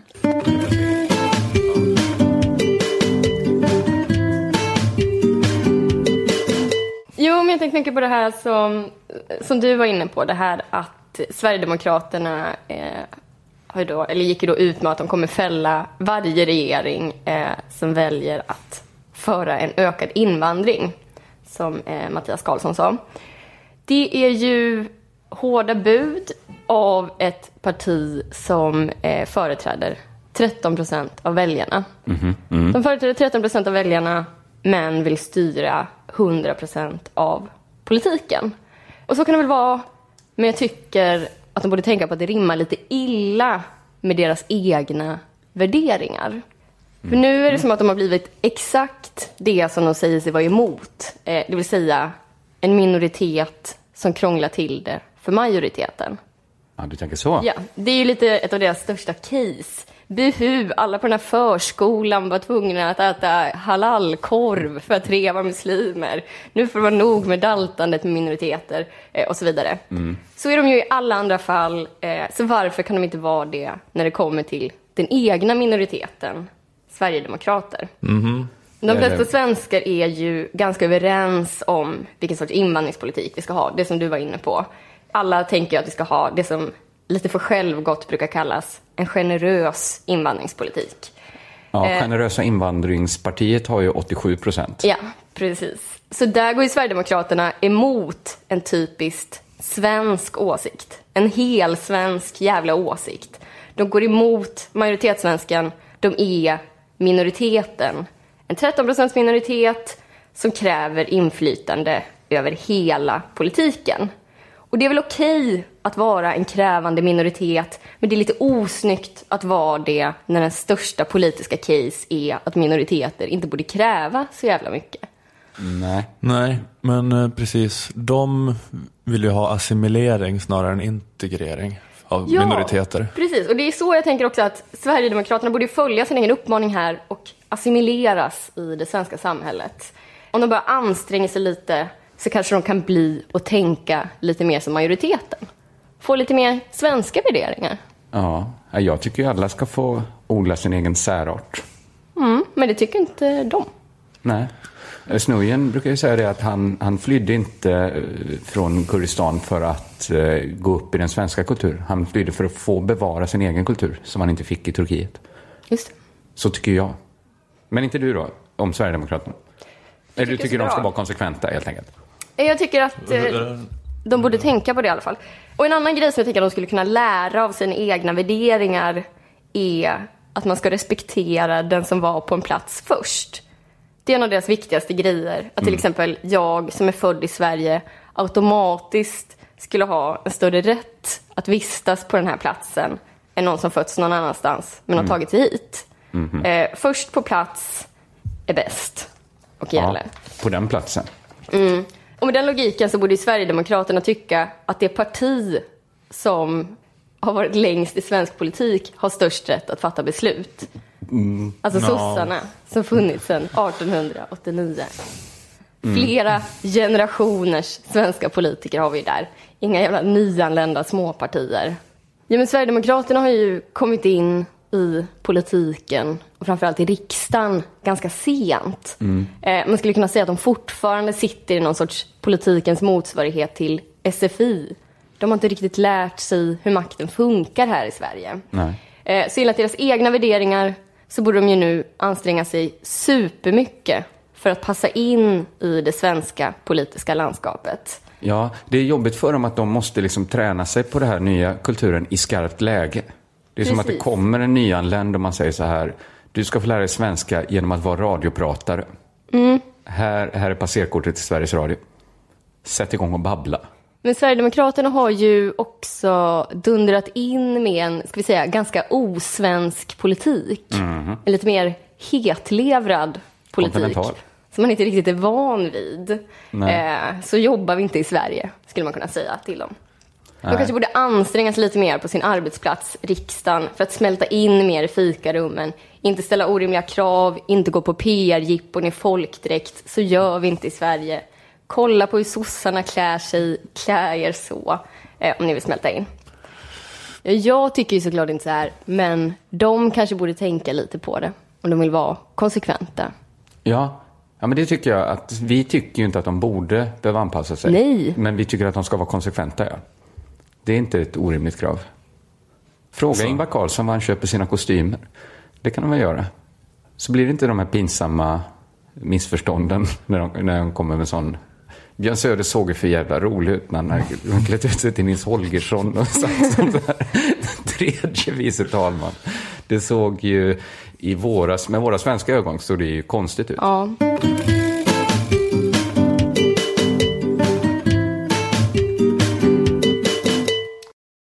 Kollar ni på Game of Thrones? Eh, nej. Jag gör det. Eh, Det har varit mycket snack om serien de senaste veckorna. Eh, Folk har bland annat varit upprörda över en scen där karaktären Cersei blir våldtagen av sin bror. Spoilervarning här. Det är det. Men eh, det är i alla fall inte en våldtäkt i böckerna. Och det här är en grej som återkommit genom hela serien. Att de tar scener som är samtyckessex i böckerna och eh, förvandlar dem till våldtäkter. Eh, dramaturgiskt omotiverade våldtäkter ska också sägas. Eh, för de följs aldrig upp och typ påverkar aldrig karaktärerna i någon riktning. Ja, men valde man här då mellan en våldtäkt och ett härligt samtyckesincestuöst Ja. eh, samlag? För, för, för att de har en incestuös relation de här två karaktärerna. Ja, precis. Så är det. Och, och, och, har alla det, att det är ett villkor för att folk ska ligga är att man är väldigt nära släkt i den serien. Ja, men och de har ju då ett gemensamt barn som de har fått sitt incestförhållande och det är vid dens lik som de har det här samlaget. Just det. Som är en våldtäkt i serien. Det är Varför är det här jättebred underhållning? Att några syskon har sex, föder ett barn och sen har de sex på det liket. Barnliket. För mig är det smal underhållning. Just Ja, det här- är ju smal underhållning i boken, men när man gör det till en våldtäkt i tv-serien så blir det. Då blir det för alla. Ja, jag vet inte. Så här mycket våldtäkter som det är i serien är det i alla fall inte i böckerna. Så jag har tänkt att det mest är tv-seriens skapare som har den här fäblessen. Och att eh, författaren George R.R. Martin på sin höjd kanske är lite så gubbsnuskig, gillar sexskildringar i allmänhet. Eh, men håller nere på eh, det obehagliga. Men det var tills jag läste att han gått ut och försvarat seriens överanvändande av eh, våldtäkter på ett inte supersmart sätt. Men är inte han med också som någon slags... Här, Han skriver ett avsnitt per säsong. Okej, men och- men också som någon slags att de, han är rådgivare? Ja, jo, men det måste det vara när det är så mycket detaljer och vilken färg har deras släktvapen och bla bla bla bla. bla. Eh, men i alla fall, eh, i det här försvaret som man skrev så fastnade jag vid den här, eller eh, det här stycket i en artikel. Författaren George R.R. Martin har via mejl svarat att han har en skyldighet att berätta sanningen om den mänskliga naturen. Våldtäkter och sexuellt våld har varit en del av varje krig som någonsin har utkämpats, från de gamla sumererna till dags dato, skriver han. Eh, jag tycker det finns några luckor i det här resonemanget. Mm. Eh, Det ska bli intressant ja, höra hur för du ett- punkterar. bara för att något har funnits i citat varje krig som någonsin utkämpats så betyder det inte att man måste visa det hela tiden i sin tv-serie. Nej. Han har inte det kravet på sig. Nej. Nej, jag tror Nej. ingen skulle liksom såga serien för att vänta nu, borde det inte vara... Nej, precis. Det här kanske du ska komma till, men också det är mycket som finns i den där serien som inte är så dokumentärt. Precis, det är exakt vad jag skulle komma till härnäst. Eh, för även om George har ett personligt intresse för historia så är det ju inte en historiskt korrekt tv-serie. Nej. Eh, jag förstår inte varför det skulle vara en jätteuppoffring att dra ner på våldtäkterna när de har gått emot eh, historien på så många andra punkter. Drakar till exempel. Mm. Det har inte funnits drakar i något krig som någonsin utkämpats. Det har inte funnits drakar överhuvudtaget. Vad vi- nej. nej. nej, Nej. vad vi vet. Men man har ju tummat på den saken eftersom det är fiktion. Det är lite det som är grejen med fiktion. Att man själv får bestämma vad som ska vara med och eh, hur mycket av någonting det ska vara. Mm. ja, men det är två bra invändningar då. Ja. Dels att allt som är med i alla krig inte är med. Och dels att det är påhittat. Det är mycket som HBO-serier att det är att det så här frossas rätt mycket då i så här sexism och så här. Mm. Eh, Men det är ju skillnad mellan att skildra sexism och att göra någonting sexistiskt. Men här lyckas ju med både och. Ja, men, ja, men det är för att då är det så här att de eh, skildrar det för att det är så här Mad Men, ja men det var så här på en reklambyrå på 60-talet, då måste vi skildra det. Eller Rome kanske, det var så här i romarriket, då hade man Ja, den synen, ju- synen på, ja, men, nu- ja precis, men nu är det som att han så här, nu hittar han på en väldigt sexistisk tid. Ja. Säger, vad ska jag göra? Det var så här i den här sexistiska tiden jag hittade jag säga, på. vad ska jag säga? Min snuskiga fantasi är så här snuskig. Men det konstiga, jag tycker det är konstigt att han går in och blunda för försvarar. För, att han, hans böcker är ju inte på det här sättet. Jag tycker det är konstigt att han går in och tar den här striden. Ja, ja, ja. När han, eh, Han sköter sig kunde bättre ha backat ut ur rummet. Ja, precis. Smugit iväg, inte visat sig med. Nej men om man är svinnoga med att inte ljuga om historien, eh, som man då hävdar, så borde man kanske också så här, inte låta alla ha svingod tandhälsa. Det skriker ju inte medeltid med så Colgate-leende. Det är ju inte medeltid, så det är också, det är ju hans Det är en på- alternativ medeltid. påhittade alternativa medeltid. Ja. Det kan ju ha varit eh, fantastisk tandhälsa. Det är ju, det är ju ingen... Okej, det är ju osås såklart med massa våldtäkter som underhållning. Men man får tänka sig att det är hans fantasier som skildras så rättvist som möjligt. Fast det är ju det de inte gör, för att tv-serien skildrar ju inte böckerna, utan de går ju ifrån på just de här punkterna. Ja, just Men känner han att tv-serien rättar till felen han gjorde i böckerna? nu Kanske då? det. Att, eh, Så han, var inte tillräckligt noga med sina källor. Han slarvade lite det, när han skrev böckerna. jag gav en orealistisk bild av min fantasivärld i böckerna. Nu har folk varit ner och grävt djupare i hans fantasi och hittat snuskigare dokument. Precis. Det är, inte li- det är råare, inte lika tillrättalagt nu, min fantasi i tv-serien. Nej, sen tänkte jag på det här med att ett syskon våldtar ett annat. Det är väl inte något som är typiskt för just krig och har varit det i alla krig som någonsin utkämpats. Nej. Ah, det har varit och jättemånga inte- våldtäkter som, i serien som har liksom, det har inte haft någonting med krig att göra. Så jag förstår inte varför han drar upp det. Nej, ofta om man använder det som krigsföring så kanske man gör det mot någon man är arg på då, eller fiende med. Någon som krigar mot den. Är de här syskonen i krig? Eh, ja, men inte varan- med varandra. Nej, men sen är ju de är ju också typ, eh, de är ju väl såhär i kungafamiljen liksom. Mm. Det är väl mera, alltså såhär, våldtäkter i krig är väl att typ... eh, Använder det som krigsstrategi. Ja, att de liksom. vanliga soldaterna stormar en by och Ja. mördar alla män och våldtar alla kvinnor. Det är väl inte så att de inom, eh, inom kungafamiljen liksom börjar våldta varandra i ett Konstigt krig. krig. Mm. Ja. Att det utspelar sig inom Jag, hovet. det här, jag tycker att det är li- lite konstigt allting. Jag tycker att ett ärligare sätt att tackla kritiken mot Game of Thrones hade varit om George R. R. Martin eh, eller manusförfattarna sagt eh, vi har med jättemycket opåkallade våldtäkter för vi tycker det är svingött att skildra våldtäkter i rörlig bild. Eh, det är som kattmynta för oss att skapa sådana här scener. Alternativt, vi har med jättemycket opåkallade våldtäkter för att det blir så bra PR för tv-serien när folk blir upprörda. Det har varit ett hederligt försvar såklart. Det är någon sån taktik. just det, just det. Märket vi inte nämner i den här podden. Nej. Jag bipar det sen.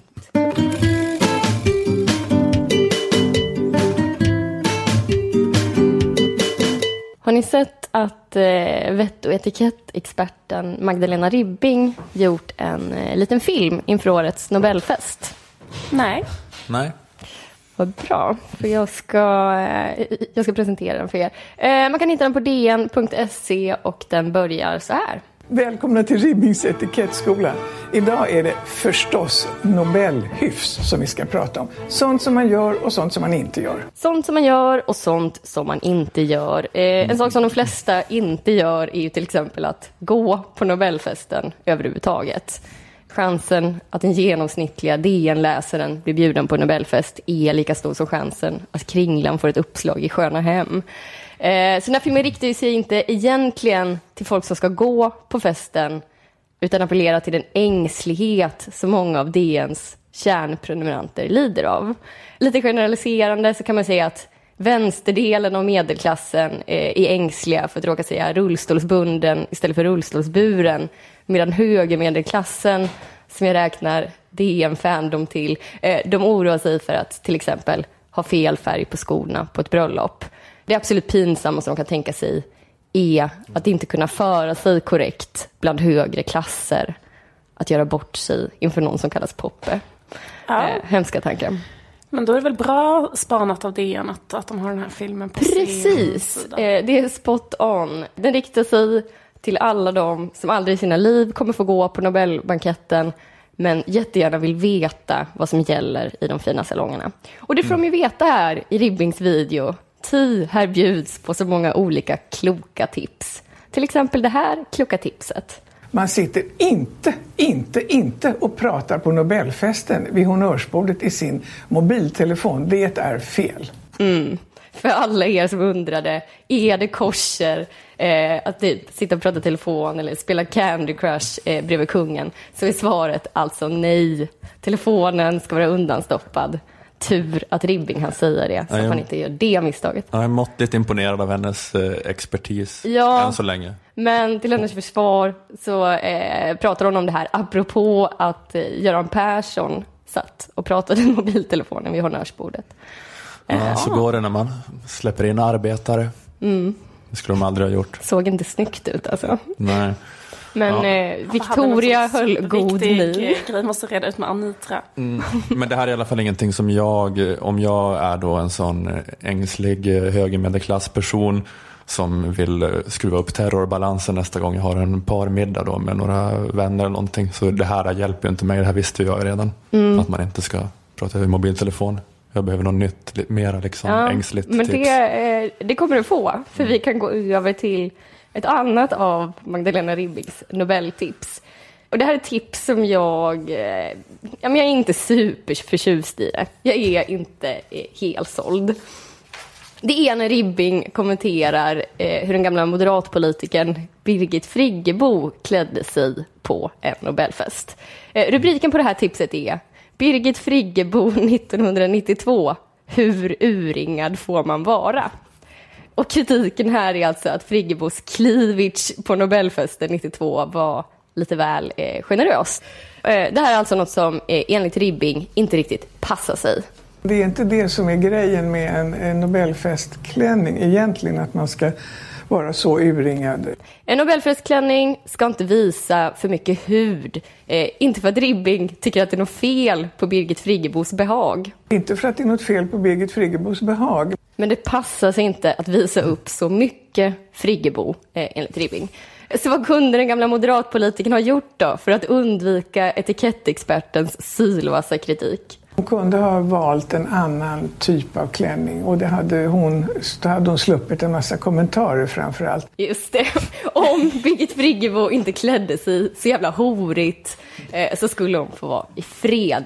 Nobelfesten, Nobelfesten är ju trots allt inte ett diskotek. Eller det är inte ett diskotek. Eh, Magdalena Ribbing avslutar hela den här urringningsranten med de bevingade orden. Man brukar säga hälften kunde vara nog och det skulle passa i det här sammanhanget. Mm. 50 procent mindre Friggebo-hud eh, hade varit välkomnat. Jag bara, ha bara ett bröst när du går på Nobelfesten. Ja, precis. Men- eh, visa ett och det andra helt eh, täckt. Exakt. Jag jag känner att det är en stor kollision mellan eh, ängslig eh, kulturhöger medelklass och kulturvänster medelklass här. Mm, det går inte att vara båda här Nej. i förhållande till Friggebos behag. Men jag tycker att det är lite... Var det inte så att prinsessan Madeleine gjorde citatskandal någon gång på Nobelfesten med en ganska stor urringning? Är inte det bara för att det är en bra vinkel på en kvällstidningsartikel? Så den har väl kunnat appliceras på lite olika kvinnor genom åren. det är så här, vinkeln finns, det är bara att fylla i Nej, men jag- eh, olika kvinnors namn. Det finns en sån, eh, det, finns, det finns en sån artikel med sån punkt eh, som är så här, punkt, punkt, punkt. Ha, ursäkta, punkt, punkt, punkt. Vad? Hälften har varit nog. Mm.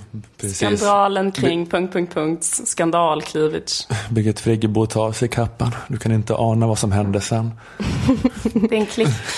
Men eh, En klick. eh, Ja, men precis som du var inne på så får ju det här en som eh, vänstermedelklass att vilja hålla en liten etikettkurs med Magdalena Ribbing. Eh, och där det enda tipset är då eh, att man ska undvika att lägga sig i vad andra kvinnor har för kläder på sig och eh, hur mycket av sin egen hud de väljer att visa i, det här, i de här kläderna. Och också kanske att sky- skylla sexuella trakasserier på offret. Ja.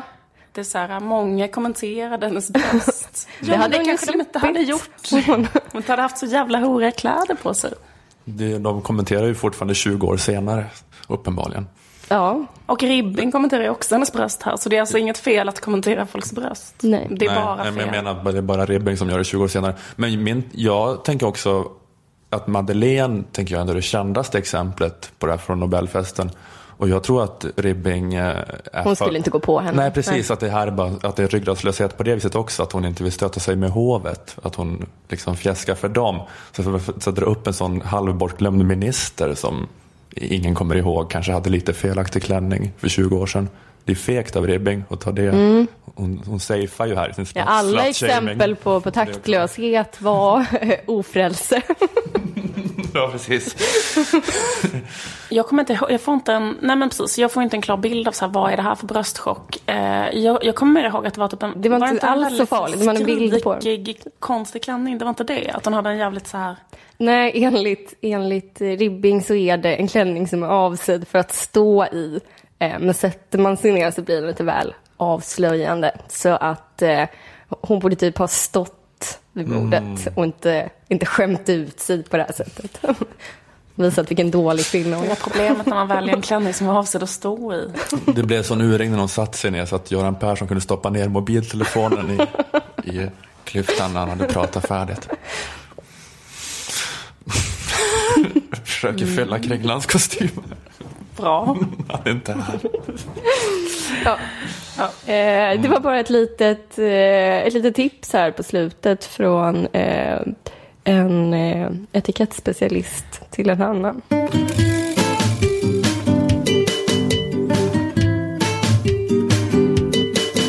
Nordhavsräkan har blivit rödlistad, visste ni det? Ja. Jag har hört det. Det har varit mycket, mycket räka eh, på tv. Det var en upprörd tv-kock om det här va? Leif Mannerström Ja, det har jag gick ut. missat. Vansinnig. Ja, precis. det var inte så han hade tänkt sig sin ålderdom. De, det, det, stod, det stod på Expressens första sida att han kände räkvrede. Det är ett bra ord. Men han har ju använt typ Nordsjön som sin eh, fond. Alltså han har, han har velat koka hela Nordsjön i en stor gryta. Och nu får han inte göra det längre. Nej. Han har ätit upp väldigt mycket av havets läckerheter.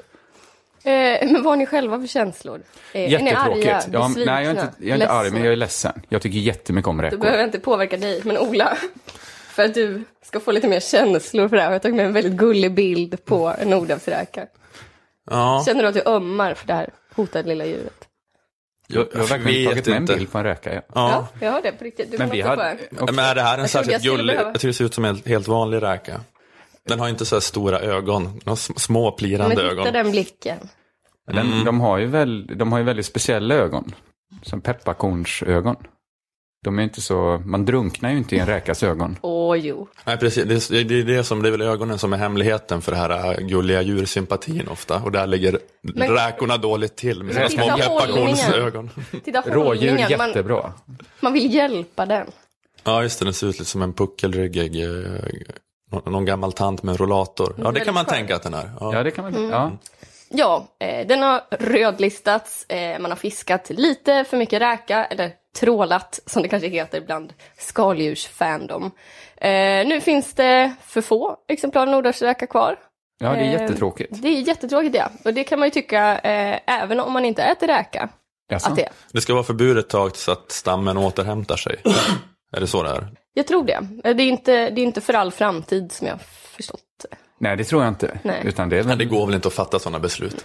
Det verkar konstigt. att vi bestämmer nu att ingen någonsin mer ska få äta räkor. Då kan jag förstå. Då skulle räkvreden kanske vara mer Leif. Mannerströms barnbarn ska aldrig få äta räkor. Jag ska erkänna att jag har inte helt full koll på hur, eh, hur det fungerar, eh, vad som är kriterier och sånt för att. Men det man fattar ju är att eh, den är illa ute. Eh, Ja, dessutom en rödlistning. Det är ju inte så att den, det, det kommer vara omöjligt att få tag på räkor. Det kommer vara exakt lika enkelt. Just det, det är men det är lite- omoraliskt. Ja, precis. Så att det är det man är arg på. Att Just. man har gjort det omoraliskt. Att vräka i sig räkor. Innan var det, innan var det bara gött. Men det blir mer omoraliskt för att det är mera, vadå för att de är fraktade längre ifrån nu eller? Så att de kommer vara Men mer man kommer fortfarande klimatovänliga. kunna äta exakt de räkorna som är rödlistade kommer väl säljas i alla affärer. Precis som med ål och alla andra. Ja, det, ja, inte på alla, jag tror att eh, de som alltså att eh, Vissa- leverantörerna kan ju välja där, redan på, eller uppe på den nivån att inte ta in det. Liksom. Just det, det finns Så det ett- kanske blir lite svårare att få Ett tag i det. kollektiv på Möllevången som importerar räkor som kommer avstå nu. Men alla andra kan fortsätta precis som vanligt. Mm. Ja. Eh, men jag lyssnade i alla fall på den här nyheten eh, när jag satt och hörde på Studio 1 tidigare i veckan. Eh, och där hade de fått idén att de skulle ta pulsen på vad vanligt folk känner för den här nyheten. Om att man borde hålla sig borta från arten nordhavsräka ett tag framöver. Eh, reporten gav sig såklart iväg till den heliga plats där skaldjur dyrkas, nämligen Feskekörka i Göteborg. Och där fick hon fatt i den här killen. Jag köper ofta faktiskt eh, de här grönlandsräkorna. Nu har man i alla fall eh, rödlistat räkorna. Vad tänker du om det? Tråkigt. Kommer det att påverka dig? Ja, man tänker nog mer. Kommer du att sluta köpa dem? Tror jag inte det är för gott. Bra göteborgare att hitta. Hur hittar de han? Kommer det Han står påverka där redo varje dag för alla man, mannen på gatan-segment. Men Göteborg är fullt av det. det jag Sen, älskar det. jag, jag är sen, jag ska till SVT Debatt nu. Sitta längst bak och vara lite dum. Ja, Jag ska eh, tycka något om headdagis. Jag vet inte vad. Kommer det påverka den här killen? Ja, han kommer tänka på det. Kommer han att sluta äta? Nej, för Det är för gott. Det är för gott! Hur mycket han än brinner för de här laxrosa små varelserna så går det bara inte. Det är för gott! Damn you räkor, varför har ni ingen självbevarelsedrift? Varför har ni lagt det till med så god smak? Eh, säger han. Du Kringlan pratade ju om hotade ålar eh, för några avsnitt sedan. Mm. En Eh, succéprata kan man säga. vad sa du? Väldigt älskad prata. Ja, väldigt älskar att Ja. prata. Eh, och då pratar du om alla de här skånska gubbarna som bara inte kan sluta äta ål. Eh, och jag känner att vi har att göra med lite samma slags dilemma här med räkorna, fast eh, med göteborgare, Ja, det är en mer älskvärd grupp, Ja, känns det väl som. Eller? Rasistiskt. Förlåt, fortsätt. ja men, men de tycker att det är så gott att de bara inte kan eh, sluta äta upp hela artbeståndet. Och det är ganska lätt att, att bara köpa det när man hör den här motiveringen. Så, ja, ja, det är klart att han gillar sina räkor. Så. Men finns det inte så, alltså är det inte så många restauranger i Göteborg som lever på sin legendariska räkmacka? Jo. Om de inte, om de inte kan sälja sin legendariska räkmacka. Gothia Towers legendariska. Hur gör ni den? Det är en tekaka och sen åtta och ett halvt kilo räka över. Ja. Det, är, det, är kört, det är kört om de inte får göra den, tänker jag. Jo, men i alla fall, eh, det här argumentet då att eh, någonting är för gott, eh, det hör man ju som en eh, förklaring till ganska mycket. Varför äter du godis som är så onyttigt för dig? Det är så gott. Varför äter du kött trots att du vet att det gör ont på djuret när det slaktas? Ja, men det är ju så gott. Men det man lätt kan glömma då, när man hör den förklaringen, det är ju att människor inte är labradorer. Tro det eller ej, men arten människa har ju förmågan att inte äta precis allt. Människan gnager inte upp hörnet på Frolic-påsen och föräter sig tills magen så sprängs av allt torrfoder. Kanske om det hade varit så gött. Hade man Om kanske det hade varit så gött kanske. Om, människ om människors fingrar hade varit goda så hade de ätit dem. Om man hade kunnat liksom stapla ett, liksom en hög med fingrar på en tekaka och sälja i Gothia Towers. Men jag tycker att eh, jag tycker vi ska underkänna det argumentet. För det går ju, alla människor kan ju lägga band på sig. Jo, men till och med den här killen skulle ju kunna sitta så eh, på andra sidan av ett bord eh, mitt emot en sån räka som vi såg på bilden och bara blicka in i de där pliriga svarta små ögonen utan att kasta sig över den och äta upp den. I teorin, ja. I teorin ja, eh, även i praktiken. Eh, jag, jag tror så mycket på den här killen. Jag tror att han kan eh, hålla sig borta från det. Och jag är också säker på att han kan hitta någonting inne på Feskekyrka som smakar ungefär som Nordhavsräka. Till exempel en annan sorts räka, en räka som inte är rödlistad. Och om man nu vet att han inte kommer kunna låta bli att köpa Nordhavsräkor när han väl står där i saluhallen och slickar sig om munnen. Ja, men gå inte dit då. Stanna hemma. Noll risk för att paja ett artbestånd. Ja, det är mitt enda case här, att jag tycker att Det är för gott. är ett alldeles för dåligt argument för att få bete sig eh, hur som helst. Så eh, skärpning alla räkkillar och ålgubbar där ute. Hur blev det här en könsfråga?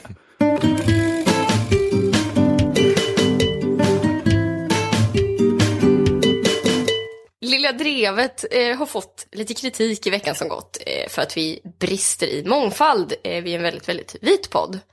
Internt här i podden har åsikterna gått lite isär om man ska ta den här kritiken på allvar eller inte. Men jag tänkte inte uppehålla... Stopp! Vad menar du med det? Jag vill bara tvätta min smutsiga byk här. Det, den har väl inte gått isär om vi ska ta det på allvar eller inte? Vi tar väl all kritik på allvar? Okej, ja, E- Eller? då gör vi det. Ja, men det är väl här skillnad om man pallar ta ett jobbigt Twitterbråk eller inte.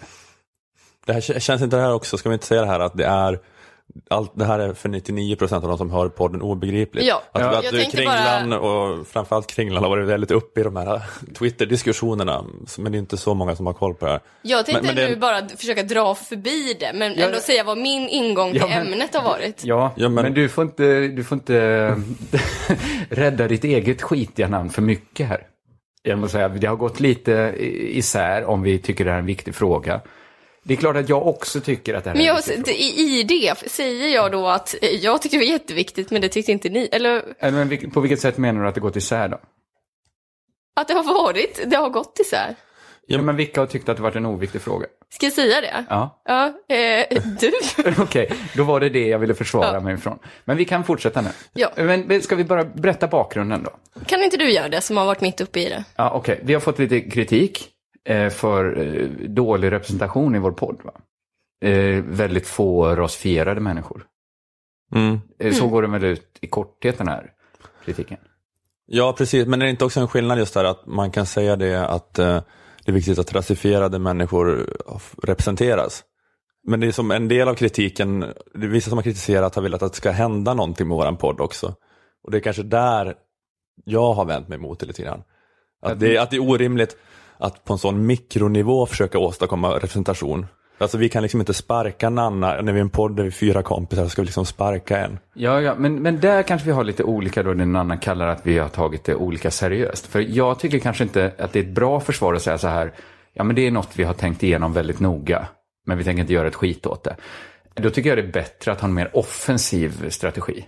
Och säga Fast- så här, eh, håll käften då. Nej, men fast varför det? För de- de har ju inte gjort något fel i att påpeka det. Nej, nej, nej. Men, då är det väl jätteotrevligt att bemöta det Ja, med... men jag sa inte håll käften då. Men Men det, var, det var...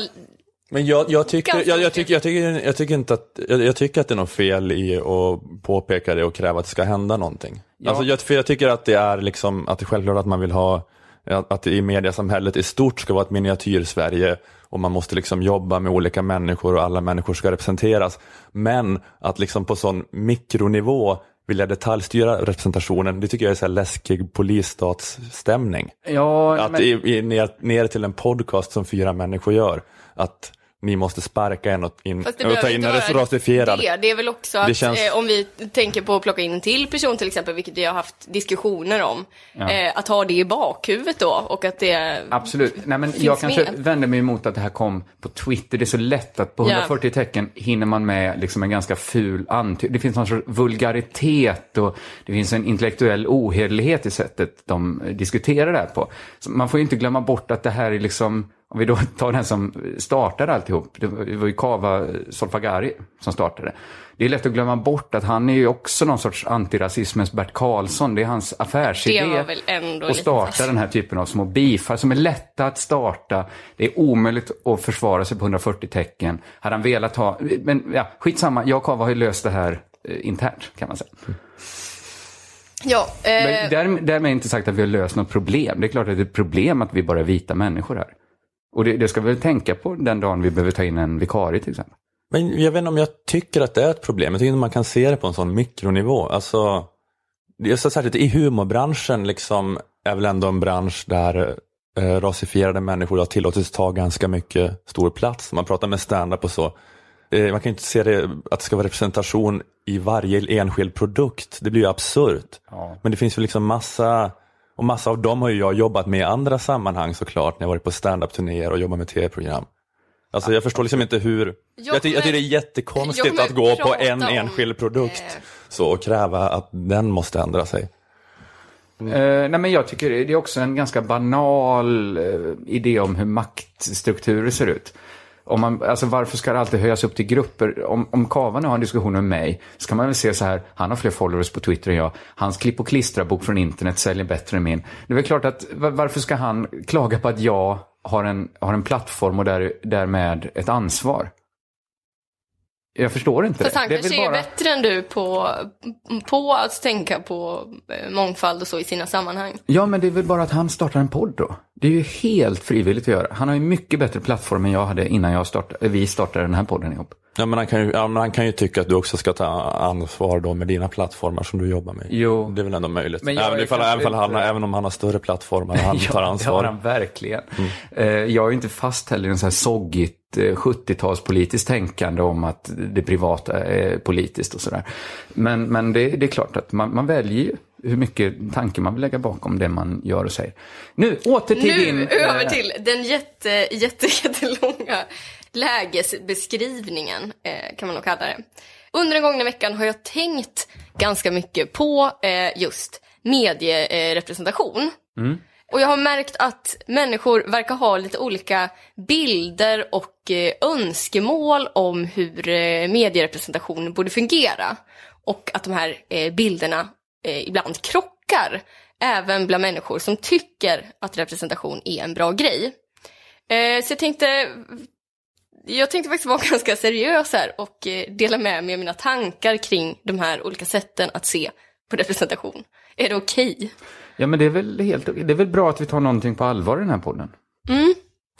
Jag har kommit fram till att det finns åtminstone tre eh, eh förväntningar eller önskemål som man kan ha när det kommer till representation.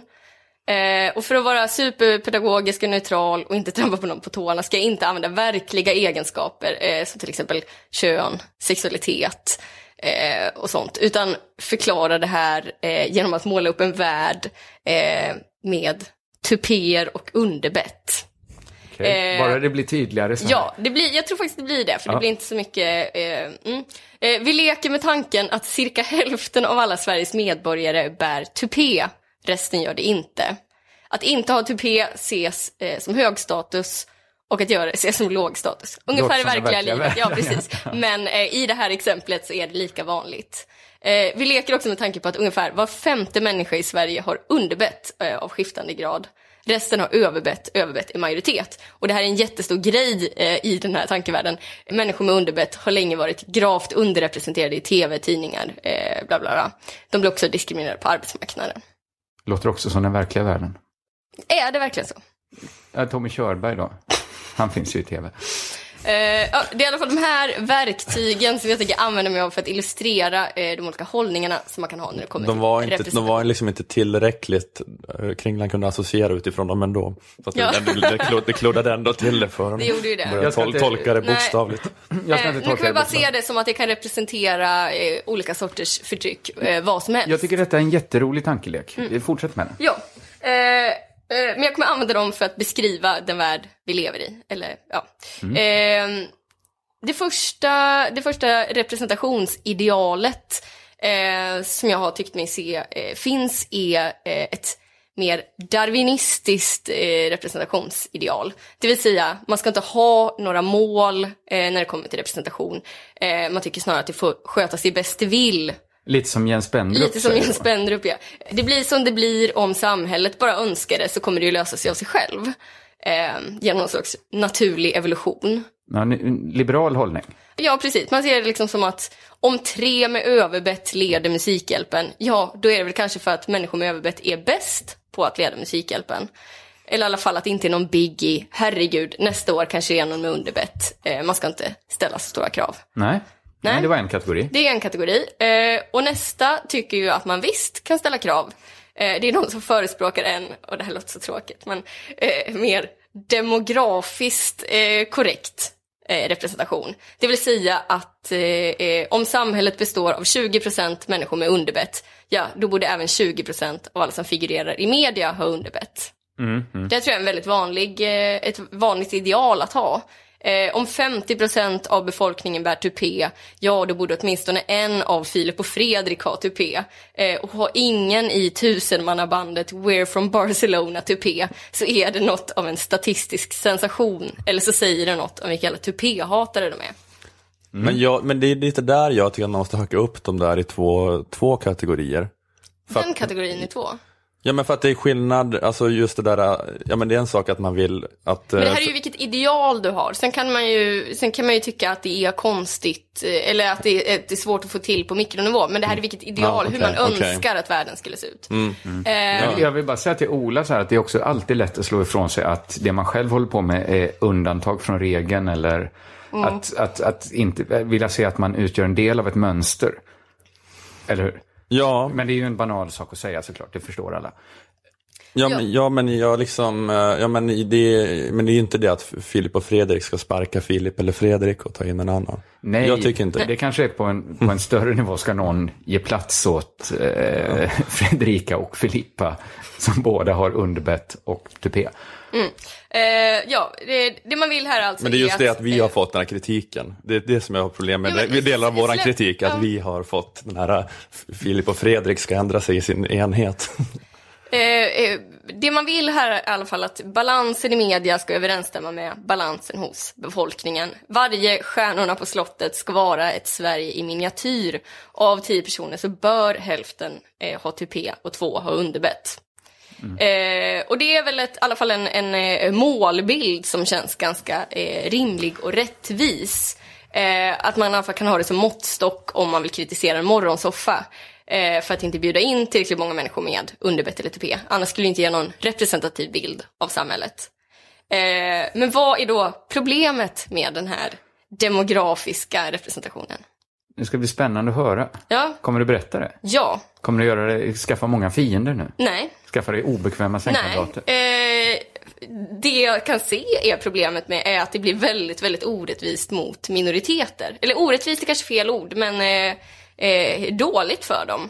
Eh, för om man hör till en grupp som bara utgör en promille av befolkningen, till exempel man hör till gruppen människor som har ett födelsemärke mitt på näsan, eh, då Anders borde man ju då borde man enligt den här uppfattningen bara få se någon som eh, har samma egenskap i media en gång på tusen. Eh, om det här med att ha ett födelsemärke mitt på näsan är en jättestor del av ens liv och jätteviktigt för en, eh, då är det ju jättesorgligt och ensamt att aldrig få eh, förebilder i media. Eh, det kommer inte vara någon Disney-prinsessa med ett födelsemärke mitt på näsan, till exempel. Nej, nej. Men det förutsätter också att detta var något jätteviktigt då. Ja, alltså vi, leker med Ja, vi att leker med allt det här är superviktigt och att det är diskriminering, eh, allt det finns i de här exemplen. Eh, det tredje och sista idealet eh, är den inkluderande representationen. Eh, och den går i princip ut på att alla varianter som finns ska finnas representerade. Eh, och här spelar statistik mindre roll. Varje variant av en människa borde få ungefär lika mycket fokus. Om jag slår upp en tidning så ska den innehålla ungefär lika många underbett som överbett. Eh, även om överbett är vanligast. Det är ungefär som FN, att alla länder har en röst oavsett Ja. hur stora de är. Precis, eh, för risken finns ju att jag som läsare har underbett och jag har väl lika stor rätt som någon annan att ha en massa förebilder att identifiera mig med. Mm, Eh, så den är väldigt liksom, kanske mer eh, konsumentvänlig och förebilds eh, orienterad eh, den här bilden. Jag ska vara, kunna få vara säker på att få se eller höra representanter för min egen grupp i media. Oavsett om jag tillhör en majoritet eller minoritet. Och, men det man kan kritisera här i, om den här drömbilden eh, skulle bli verklighet, eh, om de viftar med trollspel där, det är att eh, media skulle då ge en falsk bild av hur samhället ser ut. Eh, för det är ju inte... Det är lätt att glömma bort det när man eh, är mycket på Twitter, som vi alla är kanske, och för en del hopplösa diskussioner där, att det här är ju inte representativt. Alltså, Nej, fast man kan ju också invända att, att det vi ser på TV nu är inte representativt. Samhället utgörs ju Nej, inte av men jag tror det är 80% mer representativt än våra Twitterflöden. Är ni med på eh, vad de här tre rättviseidealen är? Eh, Ja, ja. Ett, medierepresentation ska inte vara något krav, det får bli som det blir. Två, medias representanter ska spegla befolkningen. Och tre, eh, alla befolkningens olika grupper ska vara lika synliga i media nästan oavsett proportioner. Eh, eh, för det är det jag tänker att det kanske kan vara värt att, att förtydliga vad man vill med just eh, representation. Eh, för att det kan faktiskt krocka. Och jag har faktiskt ett, ett exempel på eh, när det faktiskt har krockat. Så i veckan i en Facebookgrupp för ett feministiskt event. Eh, där föreslog någon citat Bjud in några transpersoner som talar för att väga upp den ciskönade majoritet som hittills verkar inbjuden. Och här kan man ju svara lite olika beroende på var man står. Snark, skulle Är- man kunna svara. Det ska man kunna svara om eh, man är för den mer eh, darwinistiska eh, synen. Men är man för en så demografiskt korrekt representation så tycker man kanske inte heller att det är jättekonstigt med en ciskönad majoritet. Utan ciskönade är majoritet. Mm. Även i samhället. Eh, Men, men är man då för den här inkluderande representationen så då kanske det inte ens räcker med några få transpersoner. Då borde det nästan vara lika många som ciskönade eftersom båda grupperna finns. Ja, jag menar ju inte att man skulle säga snark, men, men det kan ju uppstå viss trötthet i de här liksom interna diskussionerna. Alltså att det inte är så progressivt att bara hålla på med interna diskussioner om representation. Nej. Det, det, det, det är också något som kostar energi, som tar energi någon annanstans ifrån. Att, Jo men det är det jag tänker om, om det, det är lite det jag tänker om vi eh, Twitter-människor och så vidare ska kunna mötas så är det kanske bra att men förtydliga vad ens utopi är. Hur vill man ens att det ska, att det ska se ut? Ja, hur önskar man att den här podden skulle se ut till exempel? Jag tycker vi brister eh, på både punkt två och tre. jag vet inte, men här skulle jag nog vilja liksom då gå till Olas större perspektiv och säga något som jag kanske sagt förut. Att om man ser till poddandet i stort så är det, ju- det är bara upp till var och en att starta en podd. Jag, förstår inte, jag kan inte förstå det här problemet. Men hakar ni upp er just på att, att det är kritik mot en podd? Ja, men, nej, jag hakar nog upp på att det är kritik mot mig. Och, Att du blir, att du blir helt ja, vansinnig. men varför ska jag behöva liksom, eh, vara som någon sorts apartheidförsvarare när jag bara tycker så här, nej men ta, det, det är bara starta en egen podd, herregud. Du Ja, har och en det, mycket men bättre det är plattform lite än jag här att jag starta kan en podd. känna också att, att det kanske är jag som borde få mest kritik av, av oss tre. Eftersom jag går lite mer emot mina egna ideal. Ni har ändå mer den inställningen. Ja, men jag tycker så så ni som har, som har mejlat nu och så, ni kanske ska höra av er till mig. För jag håller ju med och är ändå med i det här sammanhanget. Just det, nej men jag tycker det verkar kanske dum, jag tycker det verkar vettigare att till exempel starta Rummet. Mm. Eh, webbadressen rummets.se va? Jätte, jättebra. Jättebra initiativ. Det verkar mycket vettigare än att tycka så här, varför har vi ingen plats på Fili- filipofredrik.com? Eftersom det ändå är demokratiserat. Alltså, man måste väl ändå se det. Var, varför ska man in i Det, sammanhang? men det finns väl i och för sig också, det är ju ändå skillnad på plattform och plattform. Och det finns väl säkert en snedvridning i plattformar, hur Jo, jo. stora och små de är. väldigt Och sällan vem som folk äger vad. kritiserar Filip och Fredrik för deras podd. Det är väl kanske snarare att man kritiserar TV för att de eh, tar in dem Men det är mycket hela, bättre hela att tiden. TV. Ja. Men jag menar Men det- så här, jag om vi då det tar, eftersom det var Kava som föranledde, som startade kritiken, så har ju han en bättre plattform än jag. Det är ju ingen snack om saken. Om vi ska lyfta perspektivet från din, dina personliga vendettor med folk på Twitter. Det, var ju, men det, det rörde ju vår podden då. Då måste jag ju bara kunna avföra den kritiken och säga, starta en egen podd om det är så jävla roligt om podd. Men jag, jag känner lite grann så här just att jag är för ett mediesamhälle stort som där eh, folk är representerande. Men att när man börjar representera på sån mikronivå som en podd som fyra kompisar gör, att, att det går någon slags gräns där, då, då jag också blir liberal. Att det, ja, men, också, också överhuvudtaget så här att folk eh, gör, jag menar, om man säger så här, eller hur stort problem är det om man säger den här alternativserievärlden som du är med i, hur stort problem är det att den är så, den är väl väldigt övervägande vit. Den är supervit. Ja, och eh, då är det så här, och då kan man säga att det finns annan kultur, så här hiphopvärlden är övervägande rasifierad. Och ja, det kan man tycka är tråkigt att man skulle önska att det var mer blandat, att det var mer vita inom hiphopkulturen och mer rasifierat som tecknade serier. Men jag vet inte om jag, om det måste vara ett så enormt problem. Problemet känner jag mer blir ifall den ena, den vita serietecknarkulturen har mycket högre status och får liksom vara med i media och liksom tas på allvar. Så, Alltså, eh, Så, så är det kanske och det är ett problem då. Men så här, att tvinga in någon i en liten podd eller i en hiphopgrupp eller något sånt där på, så, på sån mikronivå. Jag tycker att det blir så märkligt. Jag tycker det är jätte ändå bra att prata om, om, om vitheten i eh, seriesverige till exempel. Så att eh, till exempel serieskolan, som jag och många andra har gått på, eh, har med det perspektivet när de tar in folk till eh, platserna och sen att eh, tidningarna som publicerar serier, eh, Galago till exempel, också tänker på det. Mm. Jag tror, att det är, jag tror faktiskt det är jättebra att nöta in det. Att så här, stopp, stopp, stopp. Eh, det, här är, det här är alldeles för vitt. Det här speglar verkligen inte varken samhället eller någon slags eh, eh, dröm.